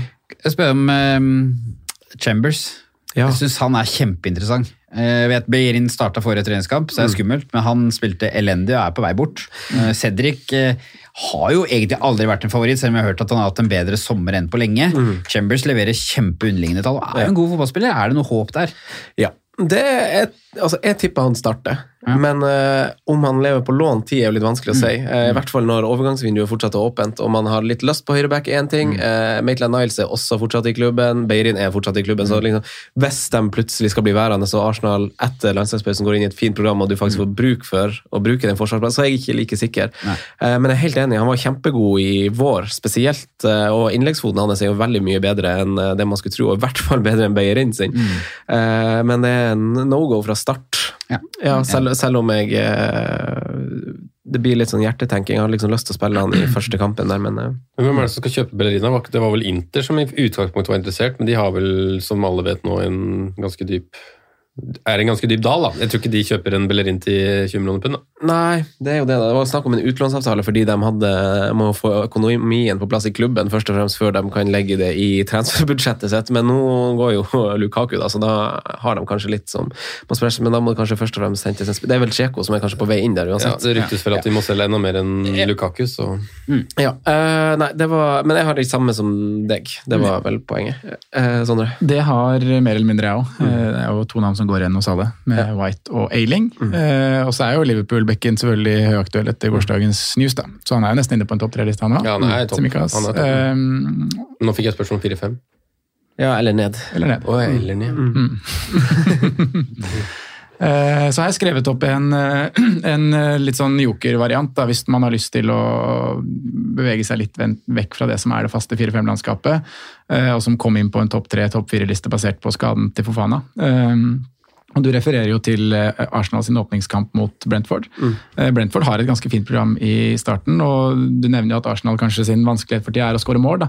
Så jeg blir jo ikke overraska om den kampen ender i 0-0 eller 1-0 til Brentford eller sånne ting. Eh, Neste match der så er det mm, så er det Palace for Brentford sin del, og så er det Villa som også har en del skader offensivt. Så jeg har satt Roersleve på høyre wingback i Brentford som en alternativ. Ja, Kommer han til å spille? Jeg tror vel det. Du har Rico Henry på andre som også er eh, kanskje mer sikker, da. Men Ja, ja, eh, ja, begge hos 4-5. Jeg så noe, noe i siste Jeg sjekka det faktisk på Nå tar jeg båt hit, men da sjekka, jeg på båt. Da spilte jo han Kanjos venstreback i den der, som du presenterte i preseason-episoden, den 3-5-2-en. Ja. Og da spilte jo akkurat den trioen du mistenkte, og så spilte jo Kanjos høyre wingback. Han spilte høyre der. Ja, og så spilte Henry Rico Henry venstre. Ja, okay. Og begge dem var visst veldig gode. Han fikk Ja. sist for han tar dødball. Men da er jo Henry et bedre valg, egentlig. da. Ja, for Henry er fast. Han har vært lenka til flere toppklubber Ja, lenge. han har vært ska- skadeplaga, nå. var skada tre måneder i fjor på våren, da. Så derfor Så han er, og Brentford vil spille 4-3-3, i hvert fall. Så vet jeg. Eh, De har lyst til å gjøre det. Ja, det vil kanskje tilbake til det. Ja. Ja. Han var ute Farke og sa det. Så, Men Rico Henry er et eh, fint shout. Det er jo også han Masina i Watford, hvis de får det på plass. Nei, eh, Kiko Feminia, beklager. Ja. Eh, som også er veldig godt likt. Eh, Så De fire nullerne har vi kanskje gått uh, inn på. Jeg så flere lurte på det, men vi har kanskje vært innom de fleste der. Uh, Jeg sa Amartey, og så har vi og så har Ja. jeg skrevet Williams. Og Mankio, da, eventuelt, i Newcastle. West. han noterte seg for målgivende i går, men jeg tviler jo på at han Ja, Yamankio er eh, andrevalg bak Jacob Murphy. Ganske tydelig andrevalg, men jeg syns det er et fint alternativ hvis du har lyst til å prøve litt og håpe at kanskje noen feiler, mm. si, eller blir skada. Da er Mankio andrevalg. Det samme med Livramento. Ja, han er jo nærmere. Han var så bra for Southampton da han kom inn. Var banens beste. det. Var han det? Det har jeg ikke sett. Nei, han eh, var fantastisk. Men han er, han er høyreback, så han konkurrerer ja, Høyrebekk, mot- høyre midt. Så han kan spille på to plasser, og eh, kan også spille på venstreback, Ja. eh, hvor de er ganske tynt etter Bertrand gikk. Mm. Så han liker Høyre, høyre midt er jo en posisjon som kan bli litt åpen i Southampton. Hvis de skal dytte opp én, ja. Ja, Ja, ja, så Det sies at liksom. Southampton er best uh, rusta nå på høyrebekk, da, etter at de har Karaoke Peters og Livramento, som var så god og er en veldig god spiller, som Ja. Chelsea har tilbakekjøpsklausul på. da. Spennende. Så Der er det en mulighet, hvis du har lyst til å, å gamble litt og tenke at den 400-plassen er jeg skal satse på uansett. Så er det han som vi bare kaller Omo da, i, i Norwich. Kommer ja. til å starte de første kampene for de som har lyst på det. Jeg har ikke lyst på det. Ehm, og det er Amartey da, som er kanskje mest spennende blant folk, men han vil jo forsvinne ut ganske fort, tror jeg, fordi Leicester er jo linka til flere midtstoppere, og kommer jo til å kjøpe noen. Det er heller ikke 100% sikkert at han starter Gameweek 2 om Gameweek 1 er dårlig. Han kan sette ned Indidi, han kan sette inn han Benkovic, han kan gjøre ganske mye annet enn å spille Amartey òg. Så du får en Gameweek 1, det, det er jeg helt sikker på, men derfra så er det usikkert. Men så har du en Kiane Hoover også, som er nærmere, hvis man skal tro Wolverhampton-leiren, da. Nærmere elveren enn eh, på sikt da, enn det Marteia antageligvis vil være. Ja, hvis, ja, hvis det er Semedo som vel har den plassen, egentlig. Ja, men men Kiana kan spille begge sider og, Ja. ja, Men, mens, du og er inne, mens du bare, liksom bare nevnte Norwich sånn kjapt, så er det jo verdt å nevne at de, jeg så jo Farke sine uttalelser etter treningskampen. Altså, hva han sa de har vi har, nei, vi har ti spillere som er klare til kamp. og det var de som starta nå. Så det, det lover jo ikke godt. Pukke er skada, Cantwell er skada, altså Rashika er skada. Der har du de tre som er best på topp der. Ja, har vel nesten ikke trent i sommer, tror jeg. Nei, nei. og Pukki er også lite ok. Nei, Det ser grusomt ut. Det ser grusomt ut. Ser ut som et lag som kan tape stort. Ja. Da kjører vi over på midtbane. Der åpna vi oppgaven litt, og at dere kunne forlenge liksom, lista litt for å få en litt fin prat rundt det. Men eh, midtbanespillere fra 5-5 til, til og med 6-5. Eh, Sondre, vi eh, starter, kan starte med deg. Hva, hva, hva har du eh, notert deg? Nei, Spilleren jeg har liksom som favoritt i det sjiktet her, er jo Rafinha, uten tvil, til, Ja. til 6-5. Eh, Så er jo spørsmålet om det å starte med han er det riktige. Eh, Og der er jeg egentlig, det er jeg gått bort fra, da. Så han blir liksom ekskludert fra lista. Eh, hvis vi tenker de første fem eller fire-fem rundene, som jo er oppgaven her. Eh, og og, og da, da står vi igjen med en del spennende navn, men som også er en del usikre navn. Uh, og Vi har nevnt noen av de innledningsvis i, i praten vår om Westham. Ben Rama har jeg skrevet ned. Um, ja, Vi var inne på preseason og hvor god han så ut nå i sist treningskamp i stad. Eh, posisjonen hans som er veldig fin, Uh, og også det at han må fylle et tomrom. da. Jesse Lingard er borte, og noen må plukke opp den hansken. Så um, han er der. Uh, Smith-Roe til 5-5. Uh, rapportene der også sier at han har vært Arsenals beste spiller i hele preseason. Um, jeg er bare litt sånn Kommer han til å være nest sist og sist på ballen ofte nok til at det, det blir nok poeng ut av det, da. Men til prisen av 5-5, en Smith-Roe som skal spille mer eller mindre fast i et topp seks-lag, det, det er verdi. Eh, så han er der, og han er der også fra start, egentlig. Um, selv om kamp eh, egentlig 1, 2, 3 er veldig tøff, da. Eh, Brentford borte kan man alltid diskutere. Um, ja, så i tillegg til det så Nei, det er egentlig de jeg har skrevet ned. De to.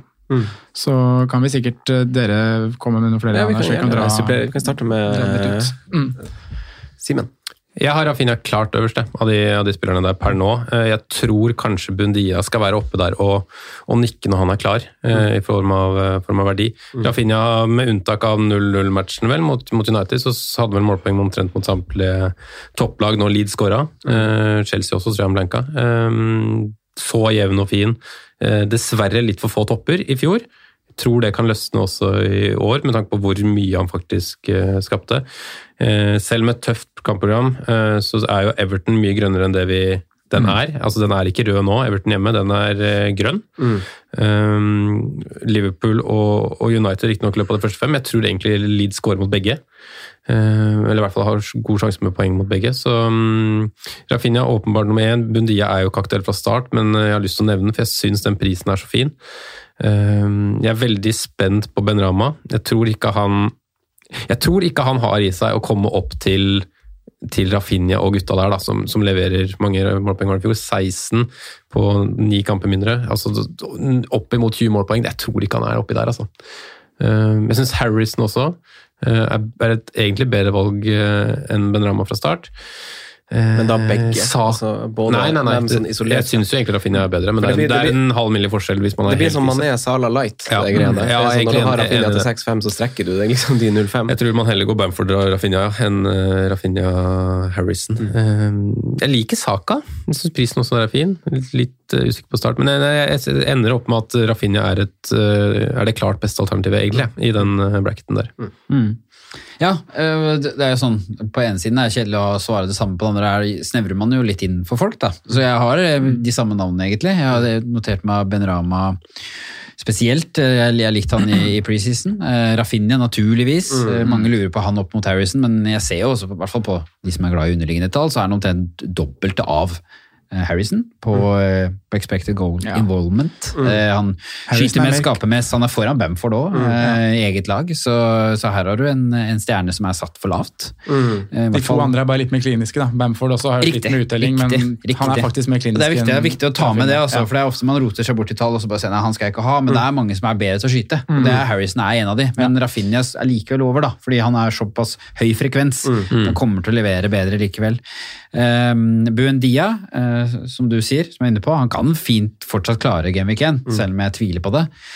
Eh, og så, um, ja, det er, de, det er de tre jeg også har, som jeg liker godt. El Ghazi som en wild, wild looker for de som er den derre 1-3-satsinga. Eh, Så er det helt klart de, de tre jeg liker. Jeg har jo sett en del draften med Ismail Azar og kanskje gått litt ned i frekvens, da. Eh, Men i starten så var det mange draft med han, syns jeg. Eh, eh, godt- Der er- Der er jeg veldig skeptisk. For jeg syns liksom Ja, jeg syns spilleren ser veldig spennende ut, og, og at han er interessant for større klubber etc., men jeg syns det er for lite sluttprodukt der ennå. Altså. Eh, Nå har ikke jeg sett Westford Watford veldig, veldig mye det siste året, da, men som vi husker den fra sist, da. Jeg syns ikke tallene fra forrige sesong er gode nok. I hvert fall når du skal opp i Premier League. For, for laget som mange har tippa på 20.-plass. Så, så, så, så, nei, vent og se. Litt for tøft i starten, syns Ja, jeg. Og, og det er, jeg vet han er på straffer, og han er main man, og han er farlig og han er en god fotballspiller, men jeg holder de andre foran også litt, for jeg vet jo at eh, de har jo hatt en sesong, f.eks. Ben Rahman. har Men jo er hatt en bekrefta at han tar straffa? Det er kanskje ikke Dini som er foran, hvis han er frisk nå. Jeg så han der Eh, Joao Pedro tok også straffa da begge Ja. var på banen. Så Ja, stemmer. stemmer. Ja, også Dini tok jo forrige, nå, Mm. sist gang. Ja. Så han starter nok, han har ruska mye. Så jeg tror Joao Pedro eller starter det.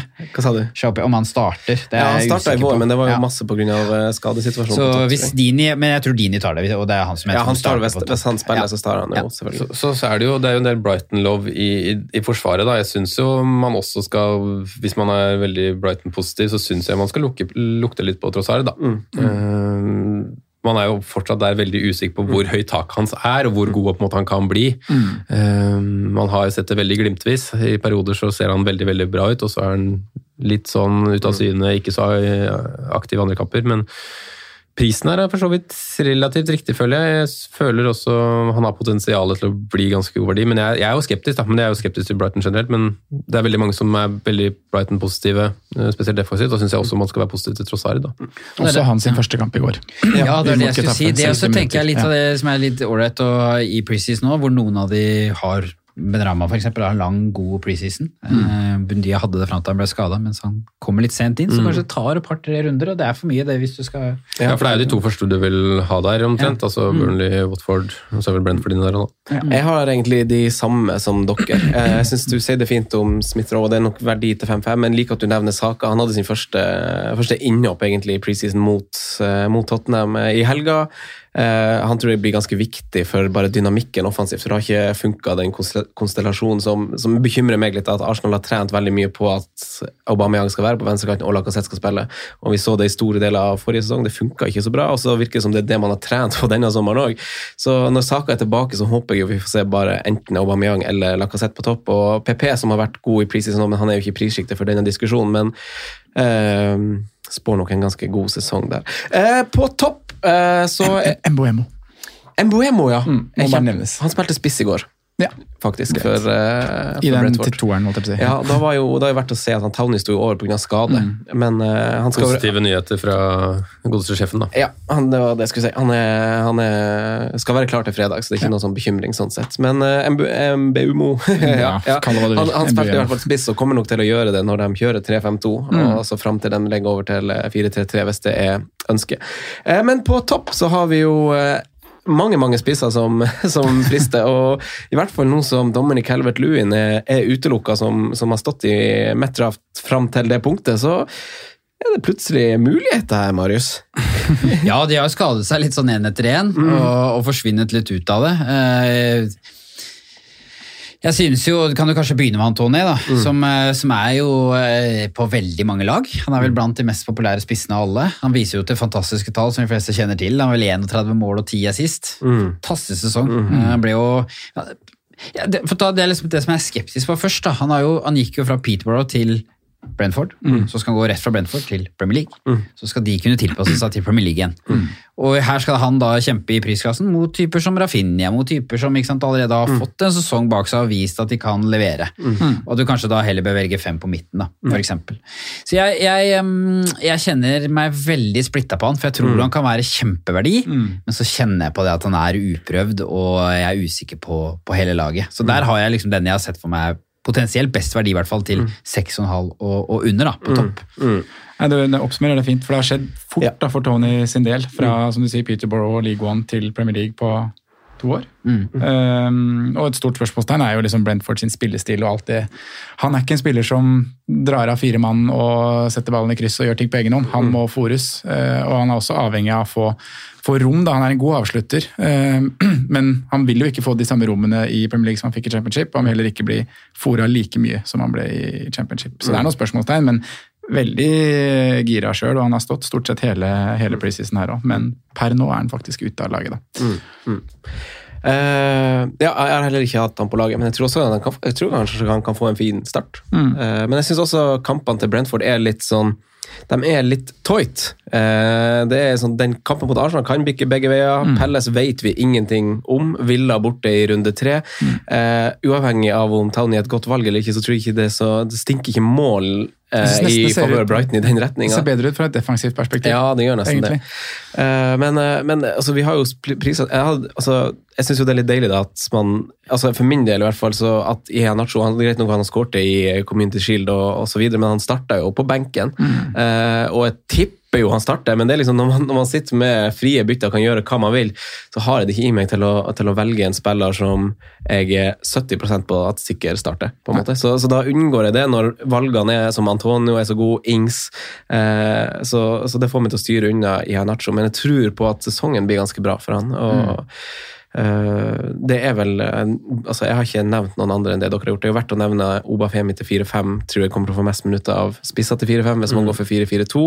eh, eller 3-5-2 for den saks skyld. Og så er det jo, og så er det jo 5-5-spisser i Watford som kommer til å spille, men de har jo de har jo ti spisser, så, Mm. så den må man bare se.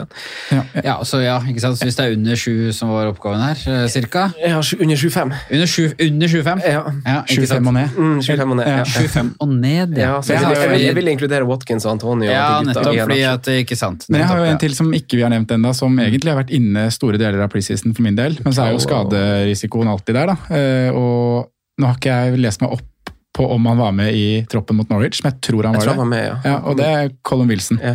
Han var med. Eh, Han var Han med. starta. Ja, Så han trente ikke, men starta. Riktig. Så han var frisk. Jeg er veldig interessert i å, liksom, i hvert fall nå med Watkins ute, som du sier. eh, Ings koster åtte blank, Mm. i Nacho et usikkerhetsmoment. Westham, Villa, Southampton de tre første. Så Mm. Colin Wilson er uh, høyt oppe på blokka her, altså. Enig. Når vi snakker målinvolvering for klubb, som vi nevnte Bruno i stad, så er jo eh, Callum Wilson er jo ekstrem når han uh, først spiller. Ja, og litt sånn gode nyheter i Newcastle òg. Altså, Steve Bruce har fått med seg en coach som skal være veldig taktisk, forsto jeg. Eh, Wilson skrøt veldig av det. Eh, og litt sånn stikk til Bruce òg, at hans styrker er kanskje ikke det taktiske, men vi har fått inn noen som gjør at vi ble mye bedre på slutten av sesongen. Willoch eh, kommer til å være klar til Ja. runde én. Um, Sant Maximin er tilbake. Det er jo en ny spiller, egentlig. da. Ja. For han var jo ute hele fjor. Mm. Han var si. god i siste treningskamp. Ja. Han lagde masse Kom inn og bare Ja. Er han som han, har han ikke, han har ikke trent i det hele tatt. Uh, ja, han, er, han linkes bort uh, Sant Maximin. Altså, hvis Gjør det det. Ja, han vil jo egentlig, han har jo, Spørsmålet er hvor man har vært skada eller ikke, og hva som har vært situasjonen der. For han har ikke spilt, og så har han liksom vært sjuk og litt sånn forskjellige ting. Så han, det, er litt sånn, det er litt spekulasjoner rundt det, men la oss ta utgangspunkt i at han starter, da, som jeg tror. Han er jo ganske dyr blitt etter hvert. Så uh, Almiron er klar. Så da vil nok Almiron og Sant Maximin, som alle er klare. Frazier er skadefri per nå. Ja.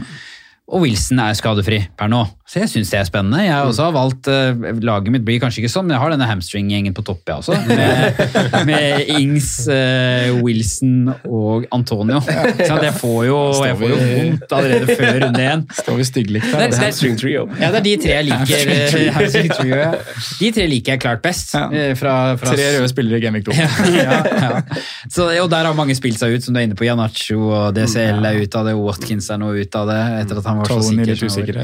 Tony, ja, og da skjønner jeg kanskje at mange velger han altså, som en eh, value pick. Um, ja. Hva med vårens eh, Ja, det var flere av de, da. Welbeck var en av de, men eh, Benteke? Innspurten hans i fjor, ny kontrakt. Han starta ikke siste kamp, og det gjør meg usikker. Nei, Nei. det gjør usikker, for de har Mateta og de har IU, og de har eh, Det er vel de to Og litt tøffe kamper. da. Ja, og litt tøffe Kampene er jo som vi var inne på stadig. Jeg er usikker på om han starter, så jeg ville på grunn av det avventa. Ja, håper Jeg håper Palace gjør det bra Jeg håper. Palace gjør det bra. Den trioen bak, spissen der, Ja. den er spennende. Hadde vi ikke kjent Saha, så hadde vi jo hatt han nå. Altså på blokka, i hvert fall. vi Ja, vi kjenner han.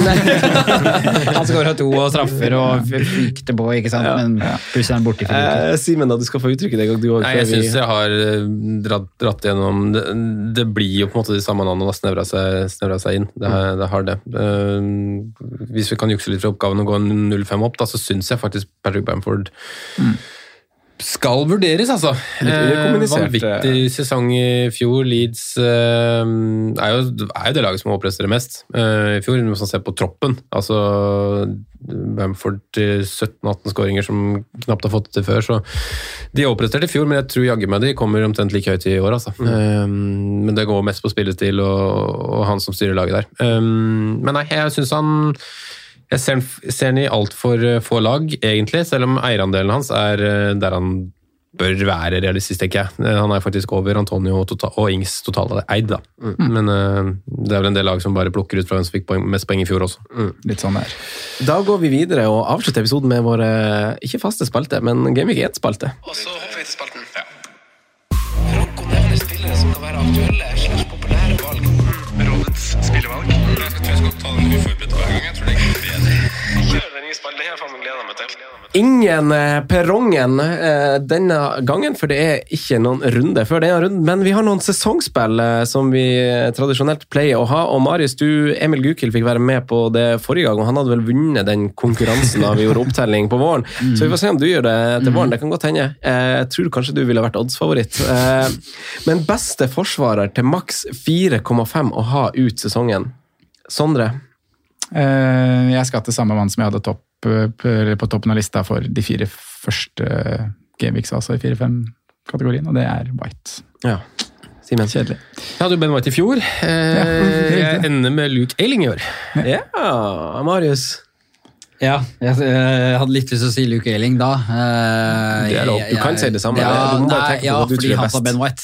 jeg har mest lyst på Ben White, så jeg går for Ben White. Jeg har også Ben White. Da, må vi, da må vi ta på neste oppgave beste spiller til Ja. maks 6-5 ut uh, sesongen. Uh, sånn, hvem har du der? Her er det mange fine å ta, altså. Ja, Her kan man uh, velge litt. Jeg, tipper, jeg håper jo litt at vi kommer med fire forskjellige navn, og at alle de kommer til å gjøre det bra, for det tror jeg. Uh, jeg har skrevet ned Luke Shaw. Ja! Råfrekk! Simen? Ja, du skal inn og Luke show, så er det det vi skal bytte like, da. Da må du bytte. Dere har ikke de Rafinha. Ja, ok. Buendia. Ja, kommer da nå får vi- da Han får vi- nå. Skal skape alt i villa. Da får vi fire forskjellige. Jeg har eh, Ben Chilwell, eh, som i fjor. Koster seks blank. Ja, det var 6-5, 8-6-5 her, ja. Ja, ja, ja. Den er Mm. Ja, fin. Den er fin. Eh, avslutningsvis så har jeg en dilemmaspalte til dere gutter, og den første er jo en, eh, det er jo en slags case. Eh, med, referan med, med, med referanse til, eh, til det du har snakka om, eh, Sondre, om kapteinsemne og valg av Bruno Fernandes.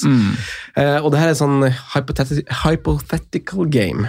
Eh, vi, skal, vi har et litt blikk inn i framtida. Vi vet at etter de fire første rundene er spilt, så står Bruno Fernandes igjen med 28 poeng. Han har snitta på syv poeng eh, de fire første, første rundene. Er det da et yay eller nei? For det, Hvis man ser på sesongen som gikk, så er det et ganske aktuelt tilfelle med tanke på lagene han har møtt, og sånn, at han sitter igjen med en sånn score. Eh, så det du får da, er kontinuitet for en dyr spiller. Er det yay or nei for det? Hvis du hadde visst at han får syv poeng i, de fire, i alle de fire første kampene du valgte han? Ja, det hadde jeg. Sånn, ja, det hadde jeg. Eh, Når man har føler spilt fire første. Jeg har spilt liksom såpass lenge, så jeg er så vant til å bli skuffa. Jeg tenker liksom at hvis du får jevnt eh, syv poeng eh, ganger fire, det jeg er fornøyd med det, altså. Tenk du har muligheten her til å ha Havertz 1, Mares 21 poeng i Norwich i runde 2, bytte midler Son kommer inn i runde 3. Ja, for det, det må man veie opp mot. Det går aldri. Det, det, Det det, går det aldri. Ja, nei, ja, men så får jeg syv poeng eller sånn kaptein der, 14 poeng. Ja, nei, men jeg er fornøyd, altså. Jeg tar det. Du tar det. Jeg tar meg det med og legger meg. Jeg syns jo syv kanskje var hakket for lavt til å være sånn superfornøyd. da. Altså, Det er derfor du legger det der òg, da. Ja, men det, det blir på en måte slags Se han får tre, kamp, tre en kamp, og så får han ti en annen, hvor han får litt bonus. og... Ja, ja, jo, jo, jo. Jeg Ja, skjønner benker hvor du vil. den- snittet- benker du den kampen Ja, ja. Ja, ikke sant? Og jeg syns han er akkurat på grensa, men Ja, det jeg tror jeg ender på et ja. altså. Ja. Litt av samme som Marius sier, at du vet du får det. Ja. Ja, nei, jeg gjør det. blir et ja. ja. Det gjør det. Eh, De neste dilemmaene er altså Dere må velge spiller A eller spiller B. Eh, kommer til å si to spillere. Til å Altså, starte med. Til å starte med, helt riktig. Eh, første, første duoen er en vi ikke har snakka om, faktisk. Mm. Grealish eller Mares. Ja, det, det, det, Grealish eller Marius Marius hver dag altså. Skal ikke ha han der i hele år. det, det, var, det var et blikk som jeg ble usikker på. Han der ble litt forbanna ikke. Hvorfor nevnte du det navnet der nå? Nei, jeg, han, eh, han der, eh, tieren der, kommer til å være kjempeverdi i løpet av sesongen. Eh, Han kommer til å få spille mye mer enn enn kanskje hva mange tror. Og han er bedre enn jeg tror hva mange tror også. Um, men jeg går for Marius. Jeg klarer ikke å, jeg klarer ikke å like Jo da. Nei, jeg går for Marius. Marius. Grealish er den nest beste spilleren i Manchester City. Han så skal ikke kimse av det. Men uh, Ja. Maris. Ja, det blir Riyad Mares. Neste eh, gutta boys, det er jo en spiller som har blitt snakka ganske masse opp her, mot en spiller som kanskje ikke har vært nevnt så masse som jeg vet ikke om han bør, men kanskje Yota eller Greenwood. Ja, den er tøff. Det syns jeg er kjempevanskelig. Den koster det samme. Mm. Jeg, jeg, jeg synes eh, jeg, Det går kanskje litt på personlige preferanser også, akkurat det. Eh, Sånn, hvis du går på underliggende tall, så er Greenwood litt over. Mm. Og også litt på spilletid. Eh, Greenwood kan jo trene som spissplass, de gjorde Mm. jo nå i preseason, spesielt med Cavani ute, og Martial holder ikke 90, så jeg kan hende han gjør det i, i første runden her også. Eh, Men uansett, jeg, jeg har veldig sansen for Yota. Mm. Jeg, har veldig sansen for, jeg håper han kan spille seg inn i Liverpool, Mm. selv om jeg vet at eh, Klopp elsker Firmino. Så Mm. jeg eh, kommer til å, å gå for Yota. Mm. Og inn mot første runde også, så er det han jeg velger over Greenwood, eh, sånn, med Mm. tanke på det generelle laget. Da.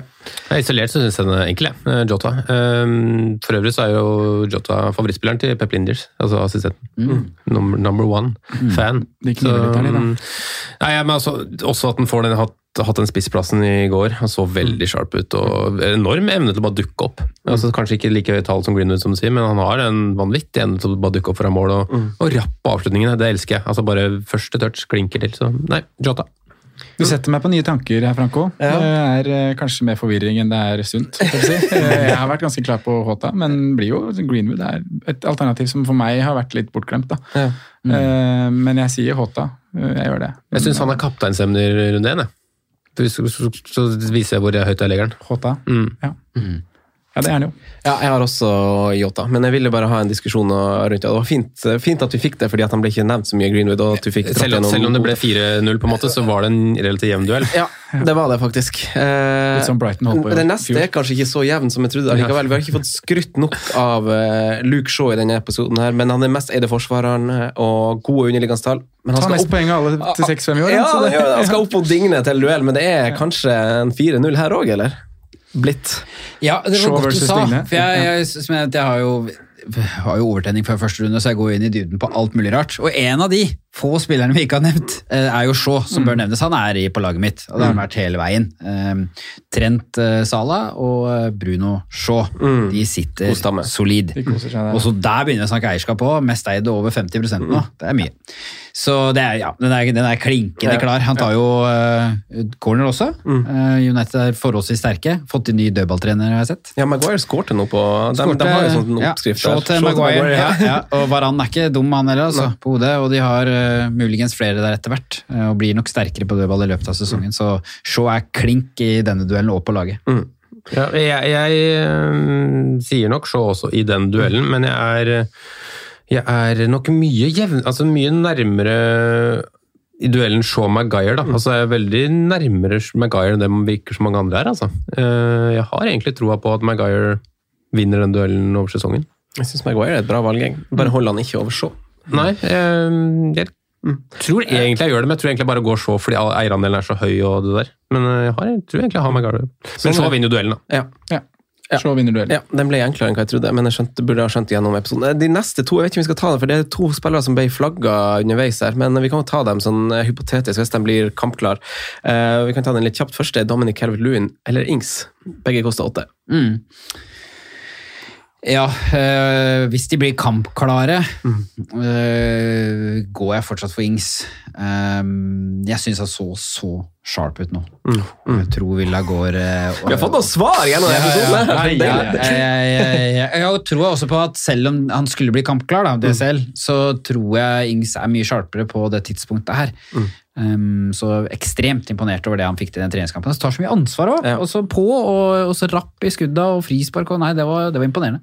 Fint, det. Simen, Ja, jeg, jeg tror nok jeg, jeg støtter, eh, støtter Marius der, men hadde jeg visst at det selv hadde spilt runde én, så tror jeg det hadde vært spissparet mitt. Ja, det er det, det jeg også tror. Kanskje, kanskje Jeg tror jeg hadde liksom vippa han over Antonio. Så, så, så det er en, men nei, jeg må, jeg må si Ings der, for det fornuften sier, altså. Ja. Sondre. Eh, Det blir det her òg. Ja. Det, Det har blitt det. det, blitt, blitt, det, har blitt det, ja. ja, Everton har liksom spilt seg ut av det. Mm. Så er det bare en ting å- kjapt altså På to siste sesongene så har Ings missa elleve kamper.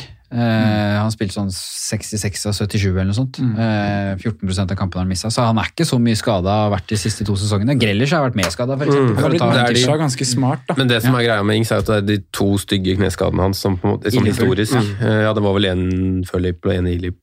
Nei. Begge i Liverpool. er Begge Første Liverpool, treninga til. Klopp, så gikk Røy Kings. Ja, stemmer, stemmer. Og han var jo godt likt av Klopp også, bare at han fikk ikke gitt nok minutter, liksom. Men godeste Ralf har vært ganske god på å, og matche den. Holdt til tatt den av når det har vært mulighet for det, og gitt den hvil når han trenger det. Da. Og det vil det jo være rom for i Villa, og når de har alle klare, da. Sånn som situasjonen er nå, så er det ikke rom for det. Også, sånn teoretisk? Wesley er klar teoretisk, men han er, han er er, jo, ja, men det er jo et option Ja, han- til å dytte inn siste 10, siste 15, sånn det da. Han var det, eh, men så fikk han jo et rødt kort i treningskamp mot Stoke etter å holdt på å kvele en fyr der. Eh, for de første fem minuttene han fikk etter skaden. Eh, og så henta vi Ings, og så var han ikke på benken engang i treningskampen selv om han er skadefri. Så jeg lurer på om han er på vei ut, jeg. Ja. Sånn utlånt til Tyrkia. Bailey eh, snakkes bare om som striker, forresten. Okay, så sånn. Bailey kan fort bli spiss, så Ja. det kan være en annen å sette inn der. Ja. Uh. Eh, neste er Watkins eller Antonio. Og den er, eh, jeg jeg er på klink Antonio Ja. etter å ha sett forrige kampen. Um, og hvilken rolle Watkins fikk med Ings rundt seg. Um, så nå uten Ings, Watkins, med Ings så blir det Antonio. Ja. Samme. Samme her. Ja, det blir jo det, da. To neste er forsvarsgreier, og det har vært lite opp for, lite opp for diskusjon her, fordi vi har snakka ganske lite om de lagene, men det første er Ben Chilwell eller Ruben Diaz.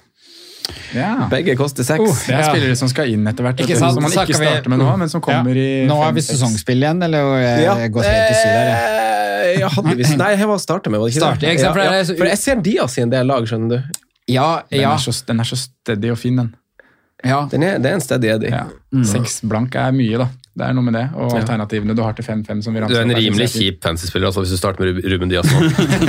Ja, ja, altså, jeg, jeg, jeg, jeg er relativt kjedelig av meg, jeg tenker det samme. Altså.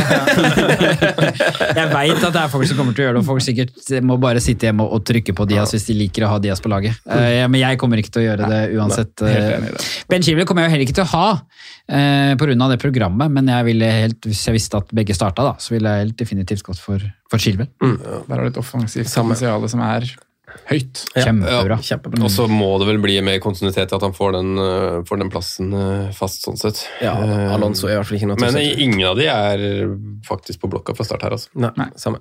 Uh, siste er jo et par som du, Marius, nevnte, utfylte egentlig hverandre godt i en slags rotasjon, men det er Ben White vs. Eiling. Hvis dere starter med en 4-5-forsvarer av de to, hvem ville det vært? Ja takk, Begge deler. ja takk, begge deler. Ja, for vi utfyller hverandre godt, de to der. Ja, det er, det er et godt spørsmål. Men du nevnte det jo veldig fint at Eiling vikarierer jo en del som stopper eh, når problematikken, når det brenner litt der, og per i dag så gjør det jo det. Han kan spille stopper. Eh, Ja, White. White spiller vel fast stopper, da. Så du har jo på en måte det er positivt at Elling kan spille annet enn stopper. Men, men, men, ja, men, så, men så er Arsenal et bedre defensivt lag enn Leeds. Ja, det er det. Det var det jeg hadde var det jeg tenkte å nevne, egentlig. Så jeg, Så er det nullene i fjor, da. hva sa du? Nuller Nullen til Leeds, til Leeds, tenker Du du på? ikke de kommer jo ofte mot bra motstand. Ja, det er det som det er vanskelig. Da spiller jo ikke Eiling. Og det sleit jeg litt med i fjor. Jeg benka mye, mange poeng fra Eiling. Jeg valgte jo han foran Dallas fra start. eh, RIP. Også, så, eh, jeg, ja, nei, jeg, jeg, det blir White her. ja, jeg er litt redd for at Eiling går inn. En Eiling på bekk hele sesongen hadde jeg eh, Ja. hatt foran. Helt enig. Det blir nok White eh, Det blir jo likt som i stad. Altså, det rente jo på han som beste firma, hvem jeg venter på Elling, så jeg sier Elling. Veldig fint. Eh, Marius, da gjenstår det bare å takke for at du kom og startet sesongen med oss! Yeah, jeg gleder meg. jeg gleder meg, jeg, gleder, jeg beklager. Jeg vet ikke hva, hvor lenge vi sittet her? Fire timer? Det er så varm. Det føles så lenge siden det var vi snakka om eh, Aston Beklager til alle sammen. Ikke, ikke send meg sånne hat-DMs, da. Men Nei, får du bare, hat-DMs? Nei, jeg gjør ikke det. Jeg, gjør ikke, jeg, jeg, Bare bare, Gilbert, fordi jeg lova at han skulle være et eh, godt fantasyvalg. Du, du, får, du får liksom 20 likes hver gang bare du skriver det navnet. Ja. jeg vet det. Jeg to år siden jeg anbefalte den, og jeg får fortsatt sånne meldinger og sånn hvis jeg skal et eller annet sted. Hva tenker du om Gilbert. Så, så det er den, og så, så Ja, nei da. Så jeg, oh, jeg gleder meg skikkelig, altså. Den siste uka nå, bare uh, skrible ned og Tenk, tenk når du, liksom, du nærmer deg fredagen. Lukaku kommer inn type 11, ikke sant? og så ser du litt sånn eh, du har, ja, Og jeg må ta inn Lukaku, og så ser du det deilige laget kommer inn og sånn. Cappe sant mot Palace i runde én. Noen, noen må ta eh, ansvar og gå live på f.eks. Twitter-greiene som har kommet inn nå, og så bare sitte og drafte på fredag kveld, altså. Ja, Simen Og- gjør det. Ja, Simen må gjør det. gjøre det, og bare få med folk, og bare hva, hva er det siste vurderingen og endringen man har gjort? For her blir det trøkk, altså. Tusen takk for at du kom, Marius. Eh, Jeg håper du kommer igjen til våren. Vi har jo et fokus på å ha litt gode gjester og istedenfor bare å ha masse forskjellige gjester. Så, eh, Sondre Simen, veldig gøy å være i gang med sesong fem i deilig, studio og Deilig, 1. Veldig, veldig godt. Nå eh, skal vi kose oss. Det skal vi. Ha det bra og lykke til, folkens. Lykke til. Good evening.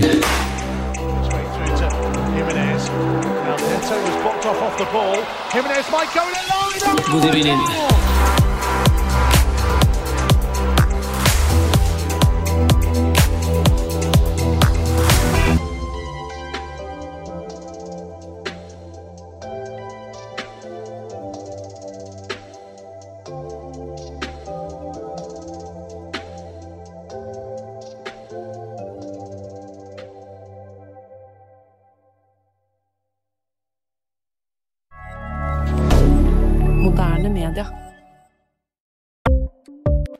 Ukens annonsør er Folio, en smartere banktjeneste for deg som har en egen bedrift eller ønsker å starte for deg selv. Folio er en superenkel nettbank for bedrifter. Som kunde i Folio får du en bedriftskonto med et bedriftskort og app. I denne appen er det smarte løsninger som forenkler regnskapet ditt, uansett om du har en liten bedrift eller et enkeltpersonsforetak. Folio er både intuitivt og brukervennlig, og er laget med et enkelt språk. I tillegg tilbyr de forutsigbare priser og ingen skjulte gebyrer. Skulle du likevel trenge det, så kan du snakke med deres raske og hyggelige kundeservice, og der får du prate med en faktisk person og ikke en chatbot. Folio er med andre ord både enklere og koseligere enn banken. Over 10 000 bedrifter har allerede valgt Folio som sin banktjeneste, så besøk folio.no og se hvordan Folio kan forenkle din hverdag også. Har du et enkeltpersonforetak eller en liten bedrift? Da er du sikkert lei av å høre meg snakke om hvor enkelt det er med kvitteringer og bilag i fiken, så vi eh, gir oss her, vi. Fordi vi liker enkelt. Fiken superenkelt regnskap.